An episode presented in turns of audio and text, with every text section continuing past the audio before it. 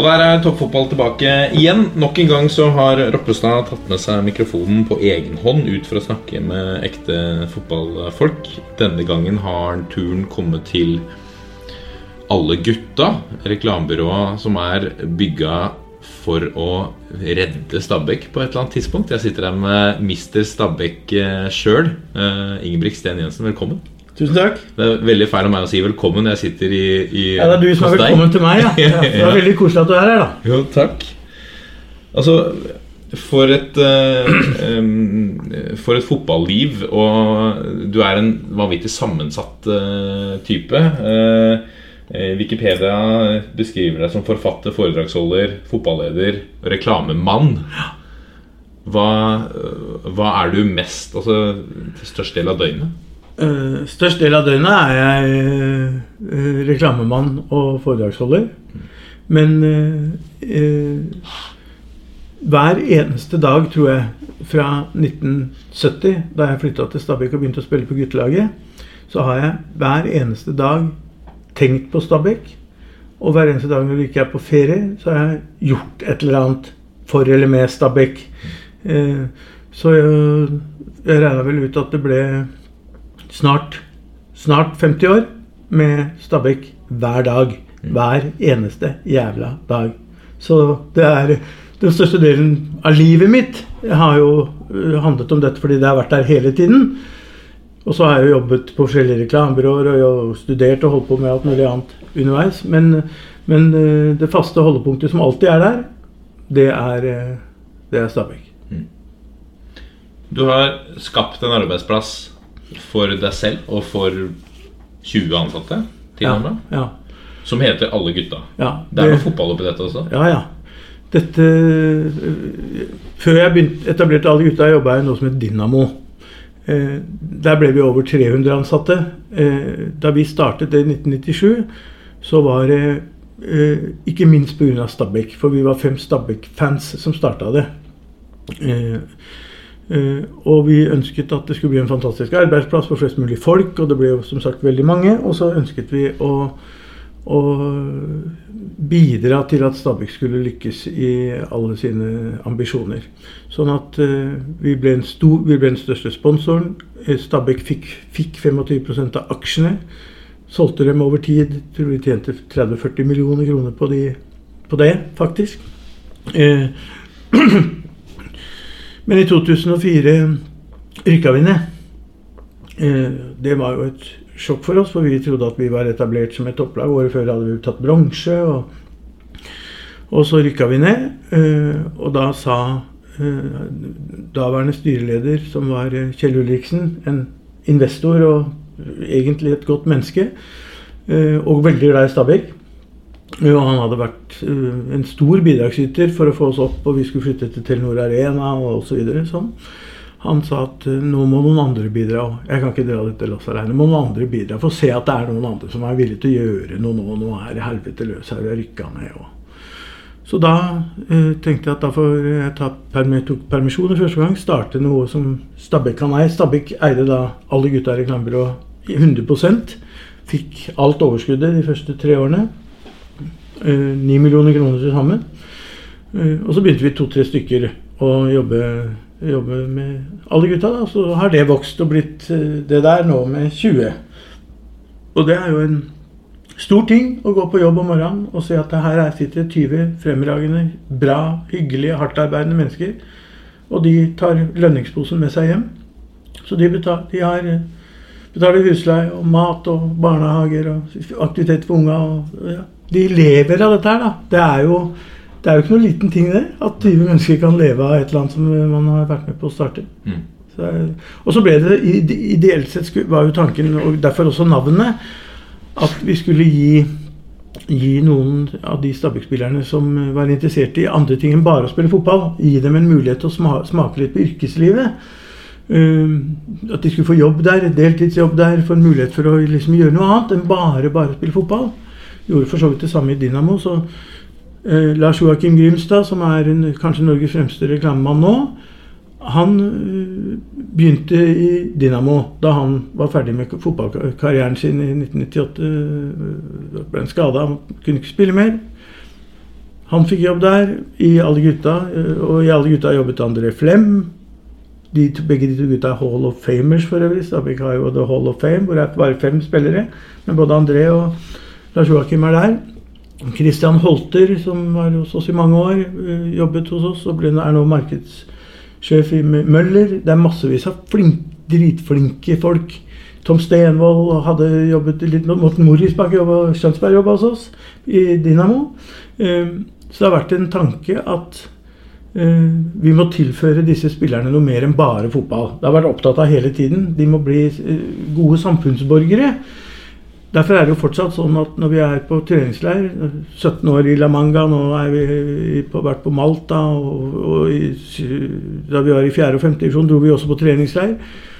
Og der har alltid det viktigste, mest prestisjefylte konkurransen ikke vært Five-A-Side-cupen eller kampen mot uh, Helsingborg eller, eller at de skal svømme om kapp. Den konkurransen De de vil jo konkurrere hele tida. Så det er, det er øvelser hver jævla dag. Eh, Men den som henger høyest, det er allmennquizen. Vi har to quizer. En sportsquiz, den henger for så vidt høyt. Men allmennquizen henger høyest. Du må følge med. Du må følge med i verden. Du må vite at vi har en generalsekretær i FN. Du må vite at vi har en utenriksminister. Du må vite at det finnes en avis som heter New York Times. Du må følge med! Du må vite omtrent hvor mye det koster å kjøpe en dollar. For å fortelle de gutta ikke bare fotball, da! Ikke bare! Ha et perspektiv på noe mer. Og det har vært litt av tanken både med Dynamo og med alle gutta og med mye annet av det vi har holdt på med i Stabæk. Hvor vi, jeg tror vi har vært ekstremt gode på å involvere spillerne i tenkning, i ideologi, i verdier. Hva skal vi stå for? Altså, de har fått lov å jobbe med ting som, som er viktige senere i livet, og som alle burde, burde holde på med. Og ble- hører jeg at dette ble et veldig kort svar, men, eh, men jeg skal bare fortelle én historie. jeg her, for Jeg skal fort- fortelle en historie om det greiene der. Fordi at vi har vært veldig opptatt av, helt fra vi liksom begynte med Stabæk-eventyret i 1990, vært opptatt av å involvere spillerne i, i, i dette jeg nevnte nå om tenkningen, målsettingene, verdiene. Hva skal vi gjenkjennes ved? Hva er Stabæk? De har jobba mye med det. Eh, Det er nyttig for alt du skal gjøre senere i livet, å være med på sånne prosesser. Eh, Og i 1997 så etablerte vi eh, et, det frivillige apparatet. Vi omdøpte dem fra, fra å være de frivillige til å være Den blå regjering. Og det betød at han som var kasserer, var ikke kasserer. Han var finansminister i Den blå regjering. Han som kjørte bussen, var ikke bussjåfør. Han var samferdselsminister. Og han som dro rundt for å hente spillere fra andre klubber, han var ikke scout. Han var fiskeriminister. Han fiska spillere. Så vi hadde regjeringskonferanse da, vet du. Da var alltid regjeringen på halvårsbølet, sånn i februar. Gikk i lusekofter, og TV var og dekka alltid når de var på halvårsbølet. Så når vi sa at nå skal vi ha regjeringskonferanse, alle spillerne, fansen, styre og stell og frivillige og alt mulig, jeg tror det var 120 stykker, da drar vi til halvårsbølet, vi òg. Og så hadde vi lusekofter til alle! Og så hadde vi sydd opp det største Champions League-flagg i verdenshistorien. Det var 40 meter i diameter. Og det flagget rista vi men, øh, øh, mens vi sang The Champions League, The Champions For vi skulle jo til Champions League. Og det var såpass snålt hele greia at NRK fikk snu seg dette greia der. Plutselig var det kamera eller greier som filma oss. og vi hoppet. Men dette, dette involverte fotballspillerne i med, De ble glad i klubben sin. Og de fikk et eierskap til den klubben selvfølgelig som du får når du er med på å bestemme hvordan den skal være. Ikke bare få beskjed at sånn er det, men få være med og si hvordan skal det være. Eh, og de har fått, mange av disse spillerne har fått en kompetanse som er gull verdt. Tom Stenvold, som nå er en av våre store helter, klubbspilleren over alle klubbspillere nesten. Han reiste til eh, Andenes og Andøya nå for tre-fire-fem år siden kanskje, til endt karriere hos oss. Og der jeg møter noen folk fra Andøya av og til spør jeg hvordan går det med Tom Stenvold. Jo, han har forandra hele Andøya. Han er helt fantastisk. Han har et syn på hvordan ting skal være, og involvere folk. Tenker Ja, han har gått en jævla god skole! Og det er jo fantastisk hvis du opplever at mange bra folk har gått en god skole. Ja. Vi, Vi skal touche, vi må touche innom uh, veldig mange ting. Jeg, jeg, har lyst til å begynne uh, kanskje med noe av det første der hvor det startet. Og så startet det veldig lenge før Før det startet, ja. Før det startet, ja. Men, men jeg, jeg, har funnet noe som heter Ullevål 95. Ja. Uh, fortell litt om det. Ja. ja dette var et konsept og en, et mål og en visjon som ble etablert i november 1990. Da kalte jeg inn noen gode venner og kolleger i reklamebransjen som hadde et visst forhold til Stabæk, eller som ønsket seg en fotballklubb å heie på. Og så hadde vi møte for å si at vi måtte eh, Invitasjonen lød om du ville være med på et fotballeventyr. Den, det sto ikke 'Har du lyst til å jobbe frivillig for Stabæk i fjerde divisjon'? Da hadde det ikke kommet så mange. For de lå i fjerde divisjon, da? Ja. Uh, vi rykka vel opp året før fra femte. Vel til fjerde. Uh, det å invitere folk til å bli med på et fotballeventyr var mye morsommere som sagt, enn å se enn å, enn å, bli med på å jobbe litt frivillig i fjerdedivisjon. Eh, da hadde Fyllingen spilt cupfinale. Det var en utløsende årsak til hele greia, faktisk. For jeg var på den cupfinalen og tenkte jeg, faen, de tapte 5-1 eller 6-1 for Rosenborg. Men, men, eh, jeg tenkte når Fyllingen kan spille cupfinale, så kan for faen Stabæk spille cupfinale. De har vel ikke noen mm, historier som er bedre enn oss. Den er dårligere, egentlig. Fyllingsdalen er jo ikke verdens navle. Det er mer verdens navle i Bærum. Så hvis de kunne gjøre det, kan vi også gjøre. Og så tenkte vi jo da at det er vanskelig å rykke opp til Tippeligaen. Men en sånn cupaskelladd går an å være ikke sant? hvis du har et noenlunde bra lag. Vi skal spille cupfinale 1995. Det var Ullevål 95. Det handler om cupfinalen 1995. Det er veldig deilig å ha nedfelt Det er derfor vi holder på med dette her. For når du sitter og sier at vi neste år eh, så har vi ikke vi har ikke noe penger. Vi får så lite sponsorinntekter, og det er lite billettinntekter har vi jo ikke. Så neste år kan vi ikke, kan vi ikke forsterke laget noe særlig. Så hadde vi en amerikaner som var med skjønner du, blant de fem-seks stifterne av Ullevål 95. Han hadde sett alle Stabæk-kamper siden han flytta hit i 66. Alle. Han, har, eh, han er legende. Han er stor legende. Peder Madsen.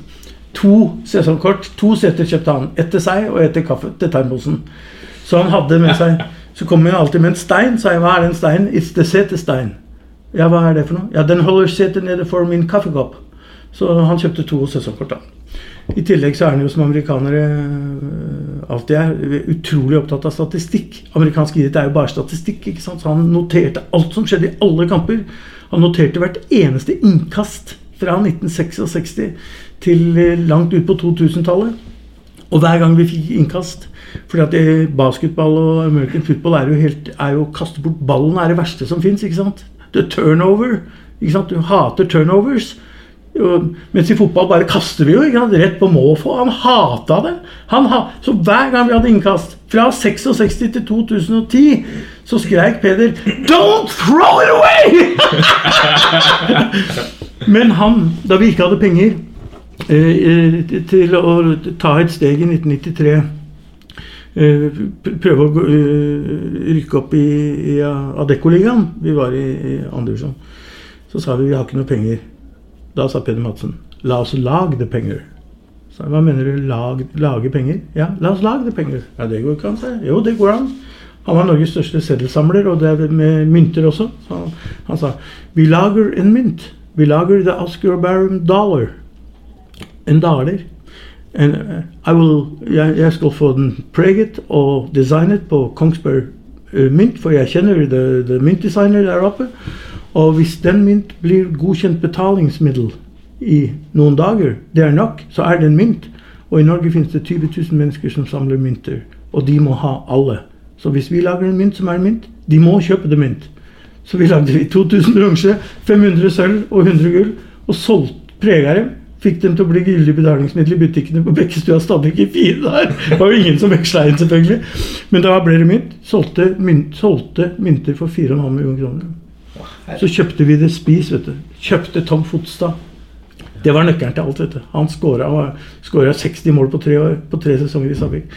Da hadde vi plutselig råd til å kjøpe Tom Fotstad med The Penger, som Peter Madsen hadde laget.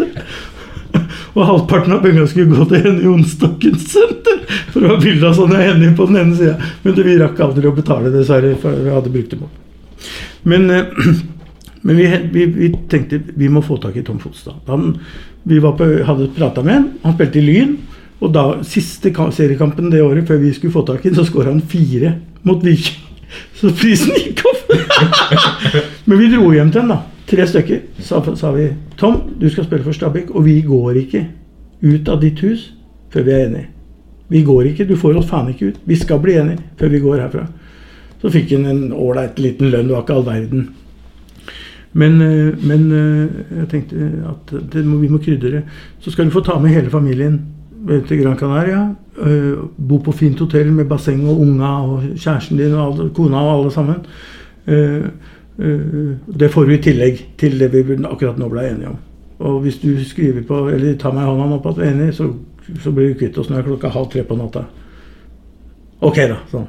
Og så skåra han altså 21, 19 og 17 eller noe sånt på tre år. og skjøt oss opp fra annen til til til uh, Adeccoligaen. Det het vel ikke det, det den gang het vel førstedivisjon. Og fra førstedivisjon til, til, til tippeligaen. Mm. Um, ved at uh, Peder Madsen fant ut at vi la oss lagde penger. For han hadde nemlig ett motto, og det har vi litt ennå i Stavik. Når vi alltid snakka om at vi må forsterke laget, da sa alltid Peder Og så har vi snakket om uh, kanskje vi trenger en midtstopper. Da sa alltid Peder midtstopper. Midtstopper. Hvem trenger midtstopper? What we need is a spice. Alltid sånn. What we need is a spice. Og det er blitt et slagord i Stabæks eh, sjargong blant supportere og sånn. What we need is a spice. Så han fikk Tom Fossa, da var han glad. Og så fikk vi Petter Belsvik, da var han glad. Ah, we got a spice. Og da Daniel Namsko kom Ah, what a spice! What we need is a og han var jævla offensiv. Han må ha vært fornøyd da med Vegard Pall og, og I 2008 så, så opplevde jo han sitt livsmirakel. Jeg tror kanskje det var enda større for ham at vi vant cupfinalen, faktisk. Ja. Uh, I 1998. Men da var det også sånn at etter alle sesongslutter så var det, så var det samling med alle spillerne hos han. Hos Peder. Nede i kjelleren hans.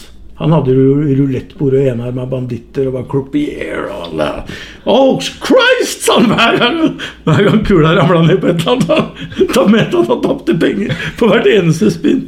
Men, men da, da, var vi i 98 var vi i kjelleren hans, sånn som vi alltid var. Og, og det var altså en, en sånn ekstatisk, men samtidig ordentlig lykke og glede. Vi gikk hjem klokka sju alle sammen. Da gikk Peder og la seg. Og så tok kona hans Babe. Ja. Når vi ryddet opp etter sa vi, sa vi ah, Babe du more? han, er, han er for still going strong. Uh, får ikke gått på alle kamper, men, uh, men følger med. Og har vært en utrolig viktig person.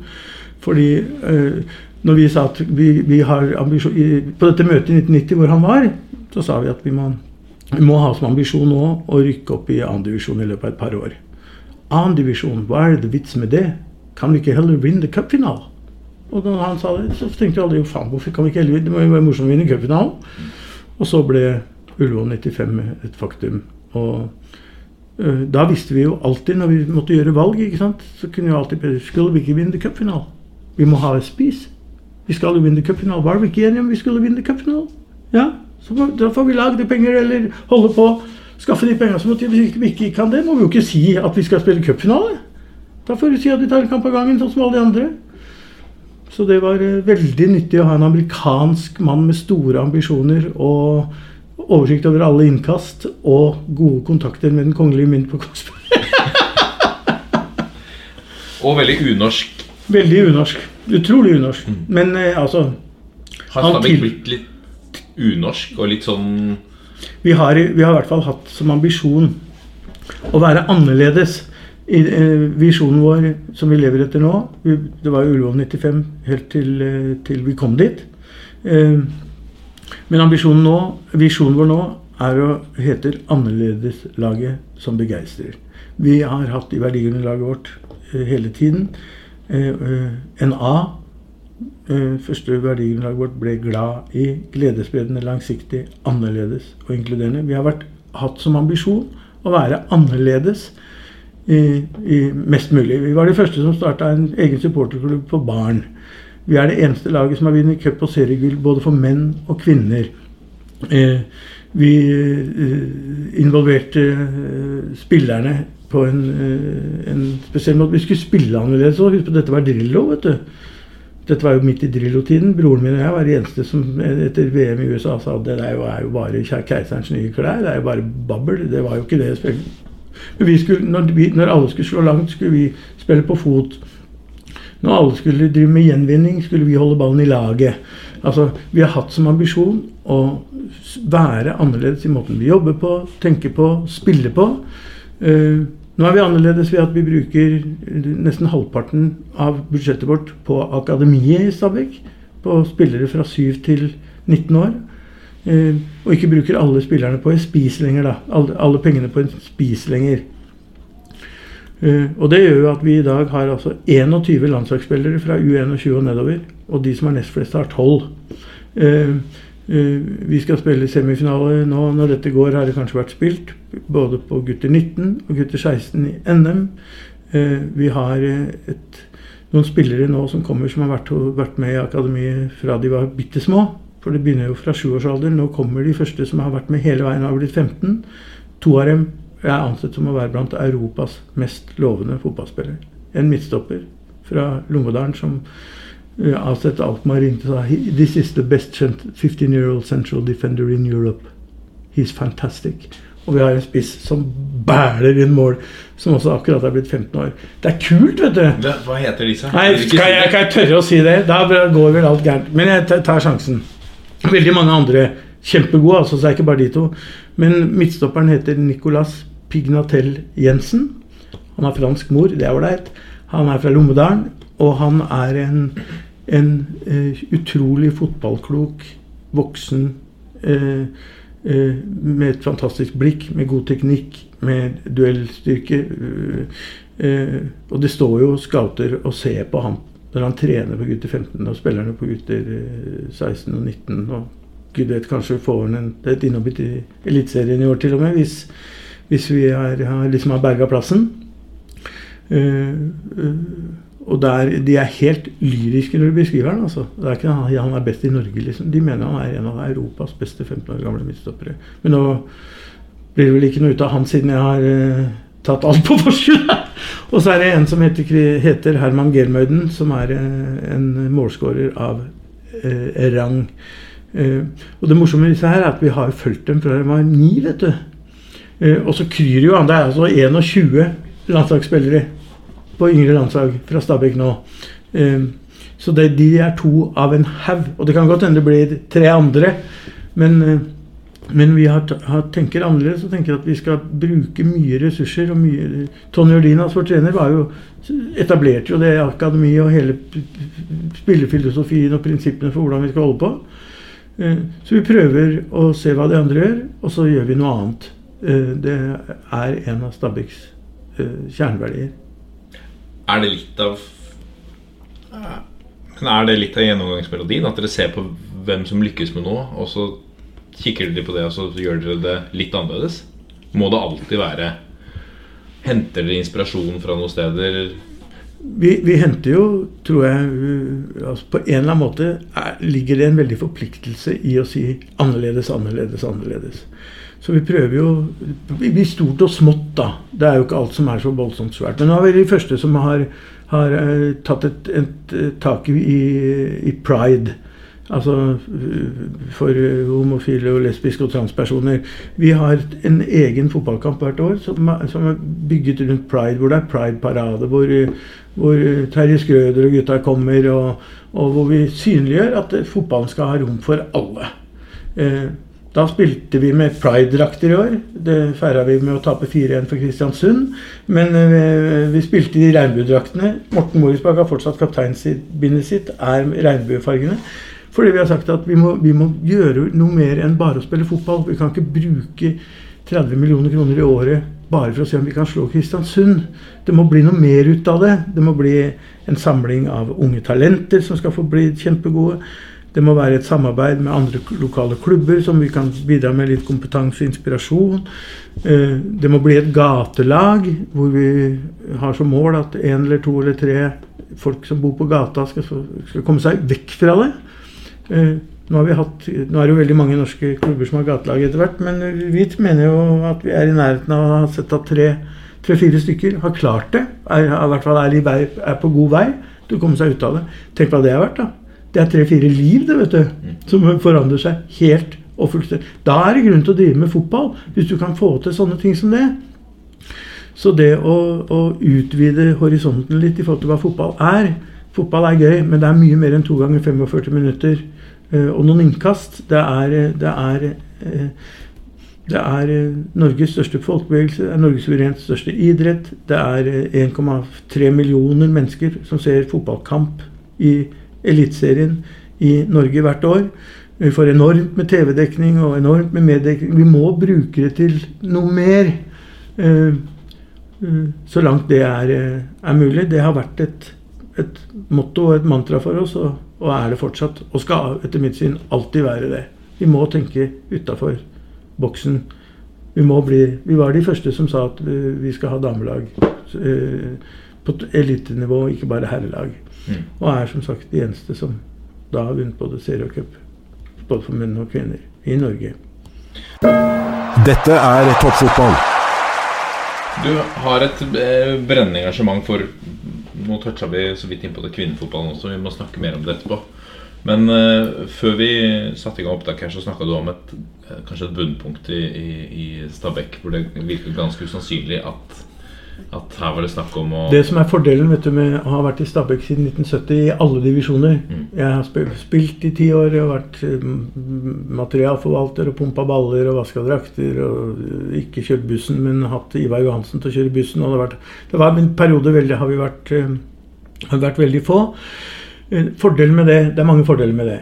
Det ene fordelen er jeg reiser mye rundt og holder foredrag. Uansett hvor jeg er, så kan jeg innlede foredraget med å si her har jeg vært, og her har jeg tapt. For vi har tapt overalt. Du. Vi har tapt for uh, Sykkylven, vi har tapt for Stranda, vi har tapt for Tromsdalen, vi har tapt for Lom. Vi, tapt, vi har tapt for uh, alle uh, Til slutt så tapte vi for Bøen, et lite sted utafor Eidsvoll, i første kvalikrunde til cupen i 1981. Da sto det i Bystyga nå taper de for nedlagte stasjoner på Eidsvollsbanen. Vi har tapt for alle. Jeg har vært med på to nedrykk til femtedivisjon. Da tåler du et nedrykk til Adeccoligaen, eller Obos-ligaen. Mm. Fordi du, du, man har vært med på eh, så mye opp- og nedturer. Og, og, og, det å bare vinne, det er, så, det, er ikke, det er, ikke, så morsomt som å klare det når du veit hvor jævlig det kan være. Men like morsomt har det jo alltid Jeg jo akkurat like glad når vi slo Lommedalen 2-0 i 1985 og rykka opp i fjerde. Så jeg var da vi vant cupfinalen over Rosenborg. Og det er ikke bare noe jeg sier. Jeg husker jeg satt og grein da vi skåra 2-0-mål og skjønte nå har vi klart det. Og kjørte nedover til Anke på, nei, til, til verdens ende på et eller annet seminar. Og jeg var altså så lykkelig da jeg kjørte den bilen ned etter den seieren over Lommedalen, at, eh, at, jeg kunne At det bobla i meg. Det er ikke sånn at det må være så, svært at du skal bli, bli glad. Men det, å, det, er jo bra for livet generelt at du har fått noen nedturer. Ikke at ikke alt går over. Det gjør jo ikke. Det går, kommer jo alltid nedturer. Må, forskjellen er jo om du tåler det og tenker at dette kan vi vokse på. Dette, har, dette er fortjent når vi rykker ned og taper for, for Hosletoppen med 8-1 og rykker ned. Da har varet vel fortjent. Vi får som vi fortjener. Istedenfor å si vi er, det er uheldig, vi, burde, vi fortjener bedre. Du får akkurat det du fortjener vet du, i livet og i fotballen. Og så har det jo vært eh, noen sånn veldig store og dramatiske nedturer. 2011 er jo det, og 2012 er jo de verste årene så lenge jeg har vært med, i hvert fall. Eh, I 2011 ble vi kastet ut av Telenor Arena måtte fristille 31 av 35 ansatte. Alle spillerne måtte få gå. Vi kunne ikke flytte til Nadderud og lønne dem. Vi mistet vel 80 av inntektene våre, tenker jeg. Og når alt det der var et faktum, at vi nå var kasta ut og måtte dra, så uh, eksploderte denne overgangssaken i ansiktet vårt. Som noen kaller Stengel-saken, burde egentlig slutte med. For han var i hvert fall uskyldig i alt som som skjedde den gangen. Og det er fælt at hans navn forbindes med noe som har, som har vært utsatt for så mye mistenkeliggjøring og sånn som den greia der. Ja, for I 2012 så fylte Stabæk 100 år. Ja, vi skulle jo feire 100-årsjubileum og, og juble, men vi Ble det noe fest? Det ble ikke akkurat noe fest. For det første hang den overgangssaken over oss hele tiden. Den skulle jo opp for retten. Vi var jo, det var jo fem-seks stykker som var siktet. Jeg var ikke blant dem, men det var en ren tilfeldighet, for jeg var bortreist på noen sånne avgjørende eh, møter. Men, eh, men det var klubben var, jo siktet, og fem-seks av de frivillige som hadde brukt livet sitt på Stabæk, var jo sikta. Eh, Vi var jo forhåndsdømt etter alle kunstens regler. Stort sett hvert eneste medium det visste jo med en gang at dette her vi hadde gjort noe galt. Morten Pedersen lagde overskriften 'Skyldighet til tiltalen' én dag etter at eh, saken eksploderte. Det var ikke noe tvil om at vi var skyldige. Det hadde han allerede funnet ut. Um, og det var, et, det var et sammenhengende mareritt i, i, i to år. Til vi i 2013 eh, ble blankt frifunnet for alt. Klubben blankt frifunnet for alt. De fem-seks eh, eh, tillitsvalgte blankt frifunnet for alt. Men eh, det hjelper ikke å bli blankt frifunnet for alt, for i Fotball-Norge kryr av folk som sier at det der var juks. Det var juks. Det spiller ingen rolle at Økokrim har brukt halvannet år på å etterforske, og retten har funnet ut at det ikke var det. Eh, Det hefter ved, ved Av og til, i hvert fall, ved, ved klubben. Men at vi kom igjennom det da rykka vi ned i 2012. Vi fikk 17 poeng. Jeg tror aldri noen har fått færre i så lenge det er tippeligaen, i hvert fall. Alle spillerne var borte. Eh, mange av sponsorene trakk seg, ville ikke ha noe med svindlere å gjøre, naturlig nok. Eh, mange tilskuere og fans var urolige for om vi hadde gjort noe gærent. De snudde vel ikke ryggen til oss, men, men det var eh, Men det å komme gjennom det, og så rykke opp igjen i 2013 Fortsatt uten penger, men da ble vi i hvert fall på, ut på høsten her frifunnet. Eh, Det var, eh, det var det mest absurde fotballåret jeg har vært med på, for vi hadde et dårlig lag. Vi starta elendig. Vi vant fem kamper på overtid. Tre av dem eh, vant vi fordi Mats Stokkelien brassa inn et mål når det var sju sekunder igjen. Ikke én gang, jeg tror han var tre ganger. Og alle, når Mjøndalen måtte tape, og Ranheim og Hødd burde spille uavgjort, så gjorde de det. Og så, og så rykka vi opp igjen med et underlig lag. Og i en, eh, en eh, for, egentlig forferdelig situasjon. Um, og var tilbake igjen. Det, da, jeg er ikke kristen, men jeg er helt sikker på at i 2013 bestemte Gud seg for de gutta der og de jentene der.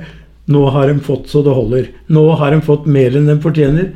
Nå skal jeg passe litt ekstra godt på dem. Nå skal jeg sørge for at Hødd og Ravnheim spiller uavgjort.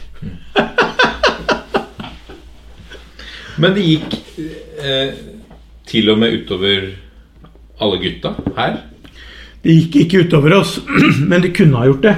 Altså, Jeg var så tett, jeg var så tett assosiert med Stabæk, selvfølgelig, at uh, noen av de store oppdragsgiverne våre, ja, to av dem, eh, kalte meg inn til et møte og ville at jeg skulle redegjøre for den saken. Fordi uh, de tenkte at vi, vi kan ikke være assosiert med svindlere. Naturlig nok. Jeg- Det holder jeg ikke imot dem i det hele tatt. At de var interessert i å finne ut av litt og spørre, litt for, spørre seg for hva er det egentlig som har skjedd. Og, og begge to, eh, ære være dem, bestemte seg for at vi fortsetter samarbeidet. Eh, Men eh, det var ikke så veldig mye som skulle til før det kunne, eh, kunne bidra til at et, et selskap med 10-12-14 ansatte var vel den gangen Han kunne gått konkurs, og folk kunne mista jobben. Heldigvis gjorde ikke det. Men man skal tenke seg litt om før man, før man dømmer. I alle livets sammenhenger. Og ikke tenke at han er skyldig, han er fy fader for en drittsekk, og hun er der. Men tenke seg litt om. Det er ikke sikkert det er akkurat sånn som vi tror alltid. Eh, og ta det litt piano i svingene. Og tenke at det er eh, faktisk mennesker det handler om. Eh, Så det å eh, rope 'korsfest, korsfest, fest', skyldig, eh, døm dem til døden, det er ikke nødvendig å gjøre med en eneste gang. Og kanskje ikke engang til og med hvis man har gjort noe gærent, som Stabæk da ikke hadde. Men, men det er, det, det- er lærerikt sånt òg.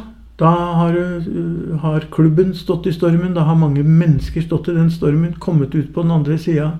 Kommet tilbake i Tippeligaen. 2015, tre år etterpå, tok vi jo bronse og var klare for Europacup igjen ja, under Bob Bradley. Helt, helt utrolig med tanke på hvordan det så ut i, i bare to-tre år før. Men hva, du og, og, flere andre som er glad i klubben, har gjort mye for den siste eh, hva skal vi si, 50 åra, som du snakker om nesten. Snart. Du har 70, hvor lenge er det? Ja. Ja. Eh, hva, hva, gjorde dere da, i 2012? For da sto dere omtrent på bar bakke. Ingen spillere, ingen ansatte. Mm. Ja, nei, vi... Altså Kasta ut av hjemmebanen. Ja. Og nedrykk, nedrykk, nedrykk med dunder og brak. Uh, Hvordan bygger man seg opp igjen? Altså det, det, jeg tror det handler om at uh, da hadde vi holdt på så lenge at det var blitt en kultur i Stabekk. Uh, det er det mest verdifulle en virksomhet kan ha, enten en fotballklubb eller et oljeselskap eller en dagligvarekjede eller et sykehus. Det er kultur. Sterke kulturer vinner. Kultur spiser kompetanse, spiser kompetanse og kunnskap til frokost. Eh, hvis du har klart å skape et eller annet hvor folk føler sterk tilhørighet, et eierskap, en tilhørighet til en stamme, eh, noe som går eh, langt utover å sitte og klappe og heie og sjekke tippelappen, så, så kan en kultur være så robust at den kan tåle utrolig mye. Utrolig mye kan en sterk kultur tåle. Og da hadde vi vel vært flinke kulturbyggere, vært opptatt av byggekultur. Og så er det jo noen som sier det er ikke noe kultur i Stabæk, de har bare vært oppe i åtte år. Men da har vi jo Du kan, du kan jo ikke ta og bygge kultur mer enn ett år av gangen. Eh, men nå er den kulturen i Stabekk veldig sterk. Jeg vil påstå at den er veldig sterk. Vi veit hva vi driver med, vi veit hvorfor vi holder på med dette her.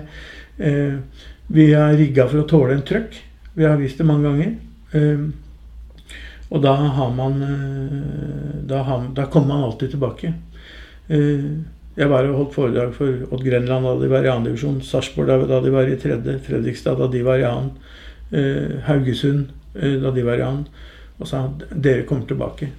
Dere kommer helt garantert tilbake. For i denne byen her er det så mye kultur. Fredrikstad sliter nå. De kommer til å komme tilbake. Jeg er helt sikker på at de spiller i øverste divisjon om noen år. De, for der er kultur. Og den sitter i veggene. Har sittet der i 100 år. Så, så, så, det er ikke tilfeldig at sånne gamle hederskronte lag Lyn kommer tilbake. Skal ikke se bort fra at Frigg kommer tilbake. Det, eh, det, er, det er eh, helt usannsynlig viktig. Og dette var jo Nils Arne Eggens fremste bidrag til Rosenborg òg. Han var jo fotballtrener, men først og fremst var han jo en kulturbygger. Av Guds nåde. Og han har bygd en kultur. Så når Rosenborg sleit i noen år, og Molde vant, og det var en god del år de ikke drev og vant Tippeligaen, tre-fire år i hvert fall, så, så, går de tilbake og henter fram det beste i den kulturen som sitter i veggene på Lerkendal. Uh, henter tilbake Brutter'n og henter tilbake Hoftun, og lar Nils komme og se på treninger og få lov å være en del her og sånn. Det er jo det er derfor de har den, gjenerobret den posisjonen. Fordi de har lent seg på det som er, er den sterke kulturen eh, i RBK og på Lerkendal. Mm. Blue Dream. Blue Dream Arena. Det er også må, må ha vært et ledd for å bygge en kultur. For ja. mange, altså dette var Dere ble jo ledd av. Ja, ja. Dette, dette foregikk altså på halvårsbølet. Eh, da hadde vi gruppearbeid. Eh, det var i 97. Hva skal vi, hva skal vi gjøre nå? Uh, nå er vi etablert i Tippeligaen. Det var jo året før vi vant cupfinalen, men det, det, var liksom, da var det samling. Og, og en av gruppene Vi jobbet, hadde jo alltid gruppearbeid, også plenum og jubel og feiring og mye rart. Vi kom tilbake og sa uh, vi skal bygge Nord-Europas største innendørs fotballarena. Da visste vi at Fornebu skulle nedlegges. Den skal ligge på Fornebu. Uh, den skal være innendørs. Det skal være takover. Det skal være blått kunstgress. Vi skal spille eh, åpningskampen i semifinalen i Champions League mot Barcelona. Eh, og det skal være blått kunstgress, da. Hele Norge har jo hørt om det blå kunstgresset. Det var jo ikke lov engang. ikke sant? Men, men det var et bilde. Eh, og det at det het Blue Dream og ikke Stabæk Arena, liksom, den blå drømmen, det, det, var med på å gjøre at det absurde ideen som oppsto på Halvorsgulvet, ble realisert. Den blei faen meg bygd, vet du. Det blei bygd. Det var Nord-Europa. Kanskje det er fem, Nå er det jo ikke Arena lenger, stort sett, men, men den ble bygd. Og den hadde aldri blitt bygd hvis ikke det hadde vært for at eh, nok folk delte den blå drømmen. da. For det var nok folk som hadde drømt den fram. Hvis det er én kar som har drømt fram et eller annet, så er det vanskeligere. Eh, Men hvis mange har, har vært del av det, så, så kan helt fantastiske ting skje. Men du snakker om det, var, det Hvis det er én mann som, som drømmer fram, men så var det på mange måter én mann som felte det til slutt òg, til Nord Arena. Kjell, eh, Kjell Kristian Ulriksen. Ja. Jeg vil ikke si at han gjorde det. Det er for brutalt. Eh, Vi var sterkt medansvarlige for at det der greiene gikk gærent. Vi mista bakkekontakten. Ble, vi, vi hadde vel inntekter på 85 millioner, tror jeg. På det meste. Nesten 100 millioner kroner. Klart, men når vi tjente 100, så klarte vi å bruke 120. vet du, Istedenfor å si vi kan, tjene 80, vi kan tjene 100, så kan vi bruke 80. For da har vi 20 til overs til neste år. Og det som er snålt med fotball, vet du, er at det, i Stabæk er det mange flinke folk. Mange folk med mye kompetanse. Det er folk som har ledet store virksomheter og små virksomheter. Og jeg har vært en slags leder i noen reklamebyråer, og de reklamebyråene har aldri noensinne gått med underskudd et eneste år. Det er helt utenkelig å drive en butikk og drive med underskudd. Men i fotball er det helt utenkelig å drive med overskudd. Du, du blir helt gal av, av, av, av eh, ambisjonene, av trøkket, av presset, av maset. Vi need to spise, ikke sant? Vi trenger noe, vi må ha, må vi gjøre. Må vi si- resignere Namsskog? Må vi resignere? Det er jævla dyrt, men vi må det. Han er verdt det. Han er så viktig.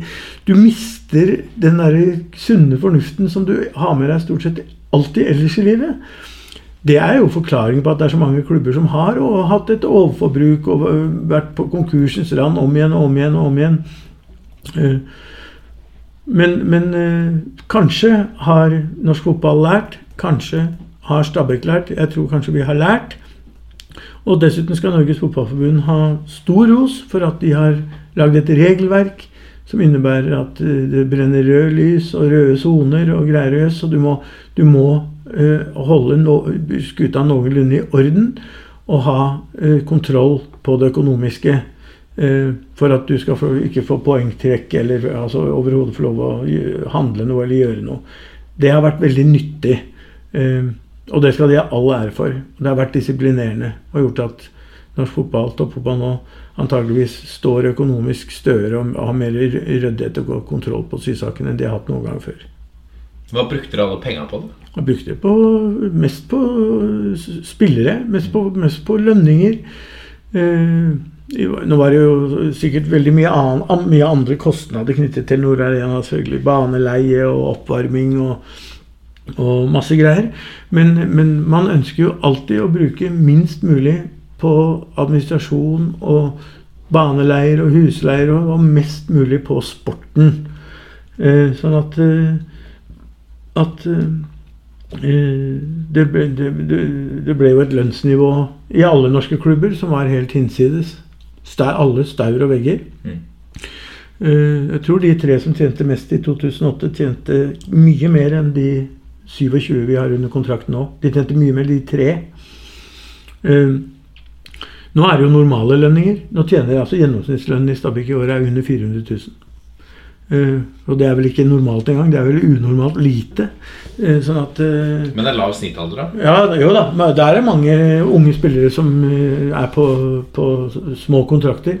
Men det er jo ingen som er i nærheten av å tjene en million. Ikke i nærheten engang.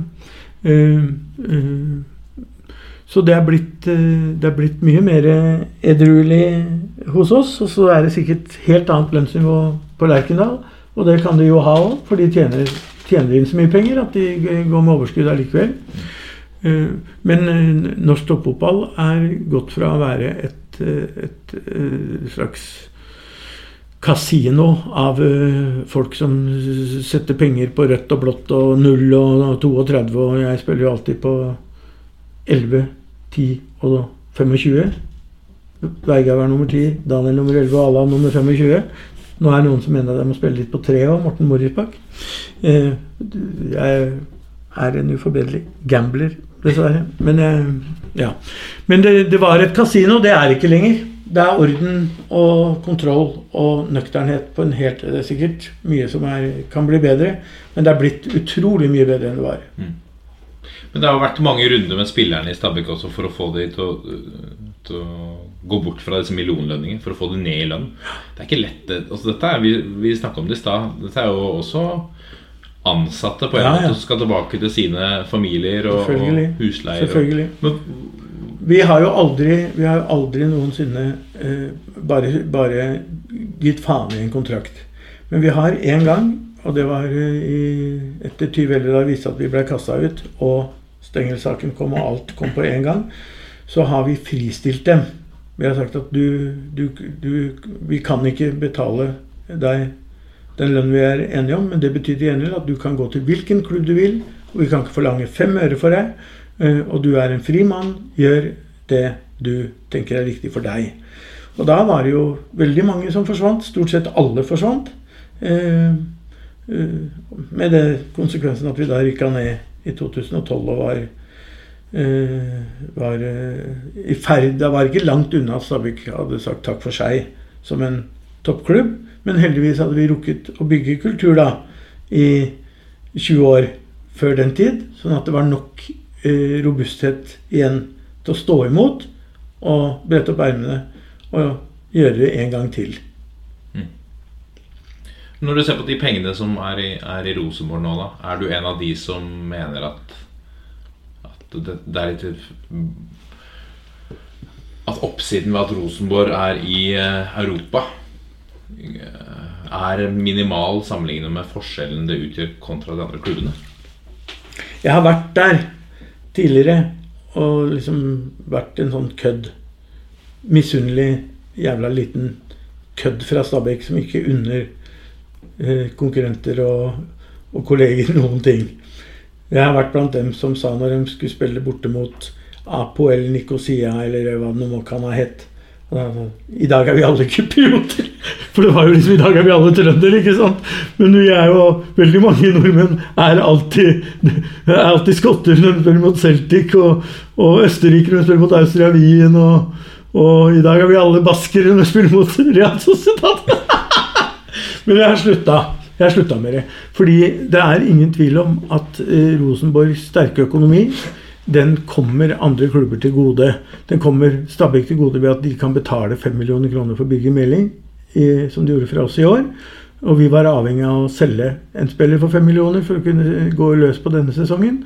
Eh, Da fins det ingen annen klubb i Norge som er i nærheten av å vurdere engang å kunne legge 5 millioner på bordet for en god venstreback fra Stavanger som heter Birger Meling. Det er et godt kjøp for Rosenborg, eh, og det, det var livsnødvendig for Stabæk. Eh, Og eh, nå er det så langt opp til Rosenborg. Jeg tror de, de omsetter 20 for 200 millioner, og vi har 30. Så de er ti ganger større enn oss. Det er langt opp for å ta dem. Nå betyr jo ikke det at det ikke er mulig. Vi rundspilte jo på Nadderud i år og spilte 0-0 med, med en spillergruppe som til sammen tjente mindre enn Niklas Bentner gjør aleine. Så det går jo an. Det er ikke bare penger, heldigvis. Eh, Men, men eh, jeg er kommet til sans og samling og tenker at det er bra at Rosenborg eh, kommer ut i Europa. Det, det, det er en liten sånn greie inni meg som sier det har vært ålreit om de tapte òg, liksom. Men eh, er, jeg er blitt mye mer, mer nøktern på det. Jeg tror mye mer realistisk på det. Og tenker at eh, for norsk fotball er det bra. Eh, Både i forhold til at vi er ute og måler oss mot noen, og i forhold til at Rosenborg legger igjen penger i norske klubber ved å kjøpe fotballspillere fra oss. Eh, og når ikke hele verden banker på døra og skal kjøpe oss for to milliarder kroner, sånn som Neymar kosta, så får vi være kjempeglade for at Rosenborg har fem mil til en venstrebekk. Du snakka om at eh, du, du er en liten gambler. Jeg har hørt et rykte om at du alltid setter penger på Stabæk-tap. Eh, Jeg har hatt det for vane. Jeg, ikke, jeg gjør det ikke sånn konsekvent lenger nå. Jeg prøver å Stabæk er det jeg spiller minst på. Eh, Men i noen sammenhenger, hvis det virkelig har vært kritisk, så har jeg kanskje satt penga på motstanderen. Eh, jo, Norsk Tipping er jo ikke så glad i at folk som liksom sitter tett på et lag, spiller på det laget. Eh, Men, eh, men så lenge det, det foregår i kontrollerte former, så, så, så er det vel greit. Jeg, men jeg, jeg det, det, er jo for å få igjen noe, liksom. Hvis vi, hvis vi taper for Nå glemte jeg å spille Kristiansund mot Stabæk sist, da. For, og da blir det jo bare tap, liksom. Men om du hadde da satt 500 kroner på, på hjemmeseier, så hadde du fått 2000 kroner i Og det, opp, det, det reduserer ikke smerten ved å tape. Men, men eh, det å også følge med og tippe, og, og, passe på at vi tipper bare på Norsk Tipping, selvfølgelig. Som jo er, eh, er den viktigste av alle bidragsytere til norsk idrett totalt sett. Og med grasrotandelen i helt ekstrem grad. Eh, så er det jo, burde det være helt utenkelig for noe menneske i Norge som er opptatt av norsk idrett, å spille en krone på et utenlandsk spillselskap. Det er ren galskap. Det er å tappe norsk idrett for penger. Sårt tiltrengte penger. Og hvis noen tror at de utenlandske spillselskapene, hvis de blir, sluppet løs i det norske markedet, kommer til å legge igjen like mye penger i sponsor og støtte og lisenser som Norsk Tipping gjør, så lever de i en totalt uvirkelig verden. Det er helt umulig å se for seg at Betson og Unibet og hva det heter alle sammen, skulle bidra med 3-4 milliarder kroner til norsk idrett hvert år, som Norsk Tipping gjør. Så aldri et spill på et utenlandsk spillselskap noensinne. Bortsett fra den ene gangen jeg gjorde og røyk. skal jeg fortelle deg den ja. Det er helt forferdelig, vet du. Men fantastisk òg. I 1993 kjempa vi med om opprykk med Sandefjord. Vi skulle rykke opp i, i neste øverste divisjon. Eh, da det var sju kamper igjen, leda vi med to poeng på dem. Vi visste at vi måtte vinne alle sju, for Sandefjord kom til å vinne alle sju. Det gjorde de. Og den siste kampen gikk mot Os på Kuven3 27.9.1993. Eh, før den sesongen så tenkte jeg vi vi er ganske gode i år. Vi har fått det spist, Tom Fotstad-greier, og vi har et bra lag. André Flem var med, og Lars Joakim Grimstad. Folk som etterpå spilte Jon Arvid Skistad, folk som spilte over 100 tippeligakamper etter hvert. Eh, jeg tenkte eh, Og så var det kommet et bilselskap som het Kesak. Den gang var det ikke odds i Norge, skjønner du. Norsk Tipping hadde ikke begynt med oddsen, men de hadde odds. Odds på hvem kommer til å rykke opp fra andredivisjon avdeling 3. Eh, og så fikk du fem i odds på Stabæk. tenkte jeg, faen, de veit ikke hva de driver med. For vi kommer til å rykke opp. Så jeg satte 50 000 kroner til fem i odds på at Stabæk skulle rykke opp. Så slo vi Os. Jeg hadde vunnet 250 000 kroner. Vi var 20 mann som var der nede fra Heie, pluss 20 med lag og fysio og trenere og sånn. Så det var 40 til sammen. Da kampen var slutt og vi hadde jubla og klippa håret, hockeysveisen til Jon Arvid Skistad, som fortsatt ligger som en klump nedi sluket på Kuben 3, så sa jeg eh, faen, vi drar ikke hjem. Vi, drar, vi kan ikke dra hjem nå! Vi må være her! Vi må være sammen i kveld! Vi må jo feire dette her! Jeg har kjøpt nye flybilletter til alle mann. Riv i stykker de gamle billettene deres. Jeg har booka hotell til alle mann i Bergen. Jeg har booka Banco Rotto, Bergens kuleste utested. Vi skal, ha, vi skal ha en bankett som vi aldri kommer til å glemme. Eh, det, det, det kosta 250 000. Jeg sa det gjør ikke noe, jeg har akkurat vunnet 250 000. Det dette er helt topp. Og vi feira og jubla og festa, men veldig ryddig og ordentlig. altså Det var kvalitet på hele greia. Det var helt fantastisk. Den natten er altså den lykkeligste eh, natt i mitt liv. Med mulig unntak av når jeg fikk noen, fått barn. da. Må i hvert fall si det, da. For ellers så sier de var du lykkeligere da Stabæk vant enn da jeg ble født? Det har jeg fått høre, det, skjønner du. Og jeg, så dro vi lykkelig hjem dagen etterpå, da, og jeg gikk på postkontoret for å få penga, og da hadde Kesak gått konk. Kesak gikk konk. Jeg fikk ikke ett jævla øre, men jeg fikk brukt det. og det er de best anvendte penga i mitt liv. Ja. Men det forteller bare, eh, for å gå tilbake til utgangspunktet, spill aldri på et utenlandsk spillselskap. Gjør det aldri. Du får 0,20 mer for hjemmeseiere. Drit for faen i det. Når du kan bruke pengene til å støtte eh, et, en samfunnsbygger som Norsk Tipping. Men du støtter Norsk Tipping? Ja, ja. ja. Jeg elsker Norsk Tipping. Du har til og med sagt at du har fått et brev av det? Ja, ja. Jeg har jo innimellom spilt litt hardt. Uh, fører ikke så nøye regnskap. Uh, har nok et lite gamblingsgen i meg, jeg, altså. Uh, og det er veldig rart. Forfatteren min gambla aldri. Han spilte én rekke på den første tippekupongen i norgeshistorien eh, som kosta 25 øre. Spilte den én rekke og trodde han at dette var eh, penger i lomma hver eneste gang. Fikk en to rett, og siden spilte han aldri. Men eh, jeg spiller tipper og spiller på oddsen og sånn. Men det som er fordelen nå, da, er jo at Norsk Tipping har god kontroll. De har veldig god kontroll. Har, alt spillet er registrert. Alle mine spill blir registrert av Norsk Tipping. Og et par ganger har jeg fått brev om at Ingebrigt, nå kan nok ikke du tippe mer i år, for nå har du nådd den grensen som vi har satt for at, hva folk kan tape på et år. Eh, og de har månedsgrenser, og de, de, passer på, rett og slett. Og det er jo den store forskjellen på Norsk Tipping og et utenlandsk spillselskap. Norsk Tipping sender brev hvis du taper for mye. Unibet eh, Hvis du spiller for for mye, så får du brev fra Norsk Tipping. Unibet sender brev hvis du spiller for lite. Hvis de vet at han der har vi tjent mye penger på, han pleier å tape, han har et gambling-gen, og har han klart å melde seg ut, skal vi faen meg få han på kroken igjen, så sender de et brev. Vi har satt inn 1000 kroner på kontoen din for å få deg til å begynne igjen. ikke sant? Det er som å gi en alkoholiker en øl. ikke sant? Ta deg en øl, da! Kom igjen, da! kom igjen, Så ramler du utpå igjen. Det er, det er en helt fundamental forskjell i tenkning, i måten å jobbe på, og i den samfunnsrollen du har eh, inntatt som skiller Norsk Tipping fra alle kommersielle spilleaktører i, i, i verden, antageligvis. Mm. Det er sikkert mange andre spillselskaper, nasjonale spillselskaper som er like ordentlige som Norsk Tipping, men de som er eh, aksjeselskaper og holder til på Malta, de er ikke. De har helt andre interesser enn å bidra med penger til norsk idrett. Dette er toppfotball. Stabæk er på mange måter Dere har gjort veldig mye annerledes. Så det, det, gir jo mening når dere har hatt det som ambisjon. Mm. Uh, alt fra uh, Nå sist så jobba du hardt for å få Alan Sinjo til å gjøre comeback. Ja. Uh, og kjørte i gang en, en innsamling på Mcash. Ja. Hvor dere dro inn ja, 200 000? Eller ja. det, det, den gangen det var aller viktigst å mobilisere, det var i, i 2014 fordi at uh, vi hadde havnet i rød sone.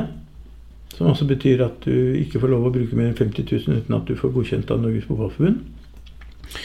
Og vi hadde altså ikke derfor verken penger eller lov til å hente noen nye spillere inn til spillergruppa vår i 2014.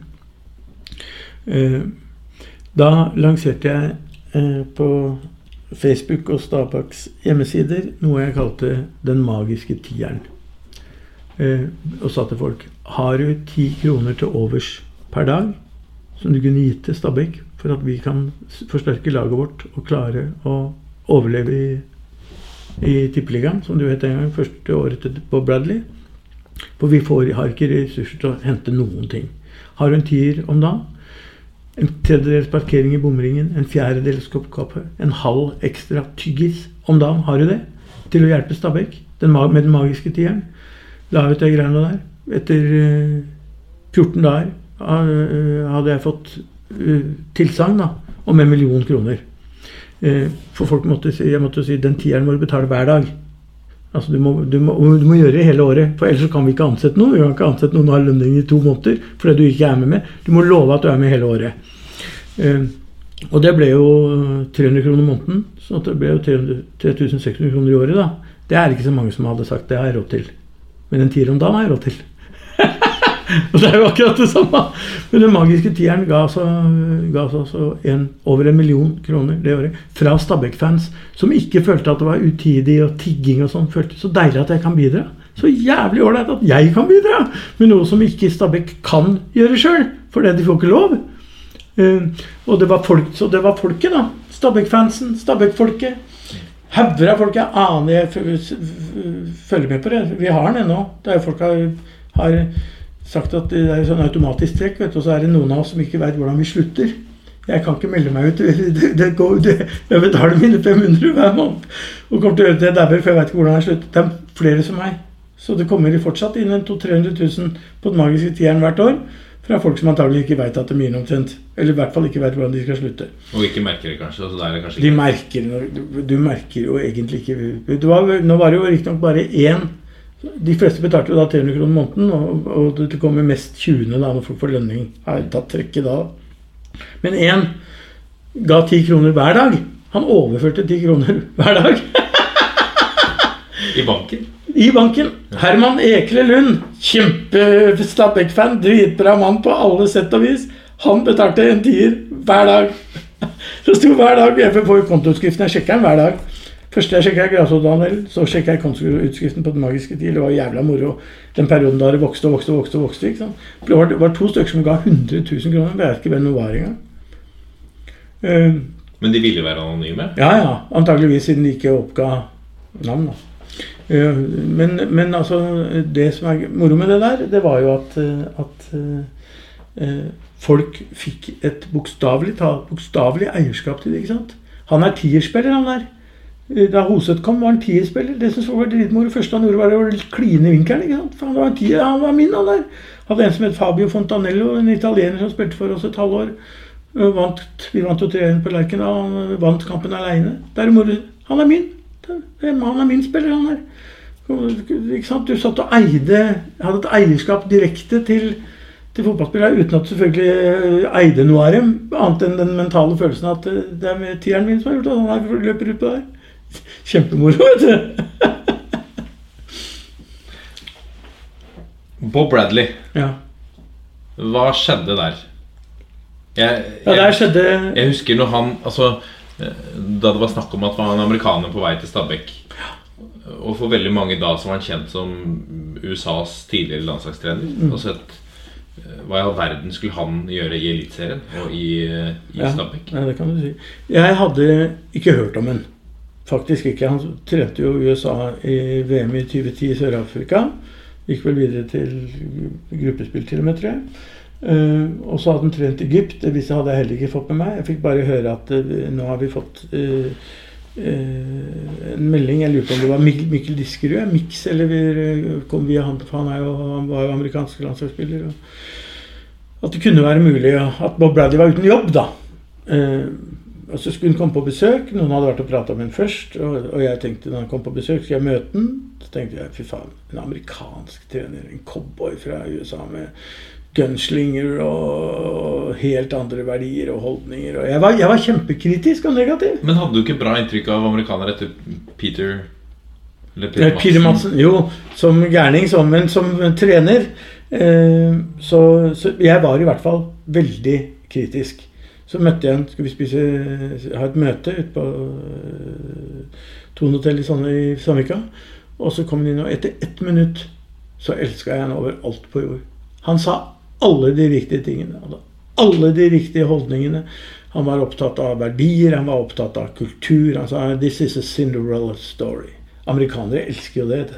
This club is a Cinderella story. Eh, han stup, falt pladask. Han var jo der oppe og gikk på Moelven-brakka vår. ikke sant? Vi har jo annen etasje enn Moelven-brakke. Det er kontorene, liksom. Han gikk der, og han så den nedslitte gamle jævla Nadderud og et lag som hadde rykka opp og hadde lite penger og alt mulig. Men, eh, men eh, jeg tror han tenkte at uh, jeg blir den første amerikaner til å trene et eliteserielaget i Europa. Det, det var han. Ingen amerikanere har trent et eliteserielag i noe land i Europa.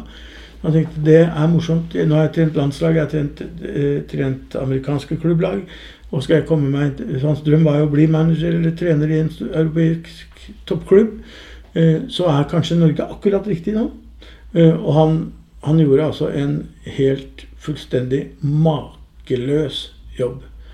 Uh, og, det var jo ikke fordi han syntes at alt var helt fantastisk. Men han sa What do you think about the club? Well, Ingo, it's, it's a lot of things to do here. men, men, men, eh, men eh, han eh, kom jo inn med en lederstil som var helt ekstremt tydelig. Han var ikke gunslinger, han var ikke hardman, han var ikke prøvde å Han var jo en tøffing, men på en helt sånn derre jorda, forankra måte. Opptatt av å bygge kultur, opptatt av å ta vare på lokalsamfunnet. Han deltok jo i alt. ikke sant? Han gikk jo i 17. mai-tog, og han var på skoler og prata med elevene der. Og, og, og var en helt, helt unik mann. En unik mann, rett og slett.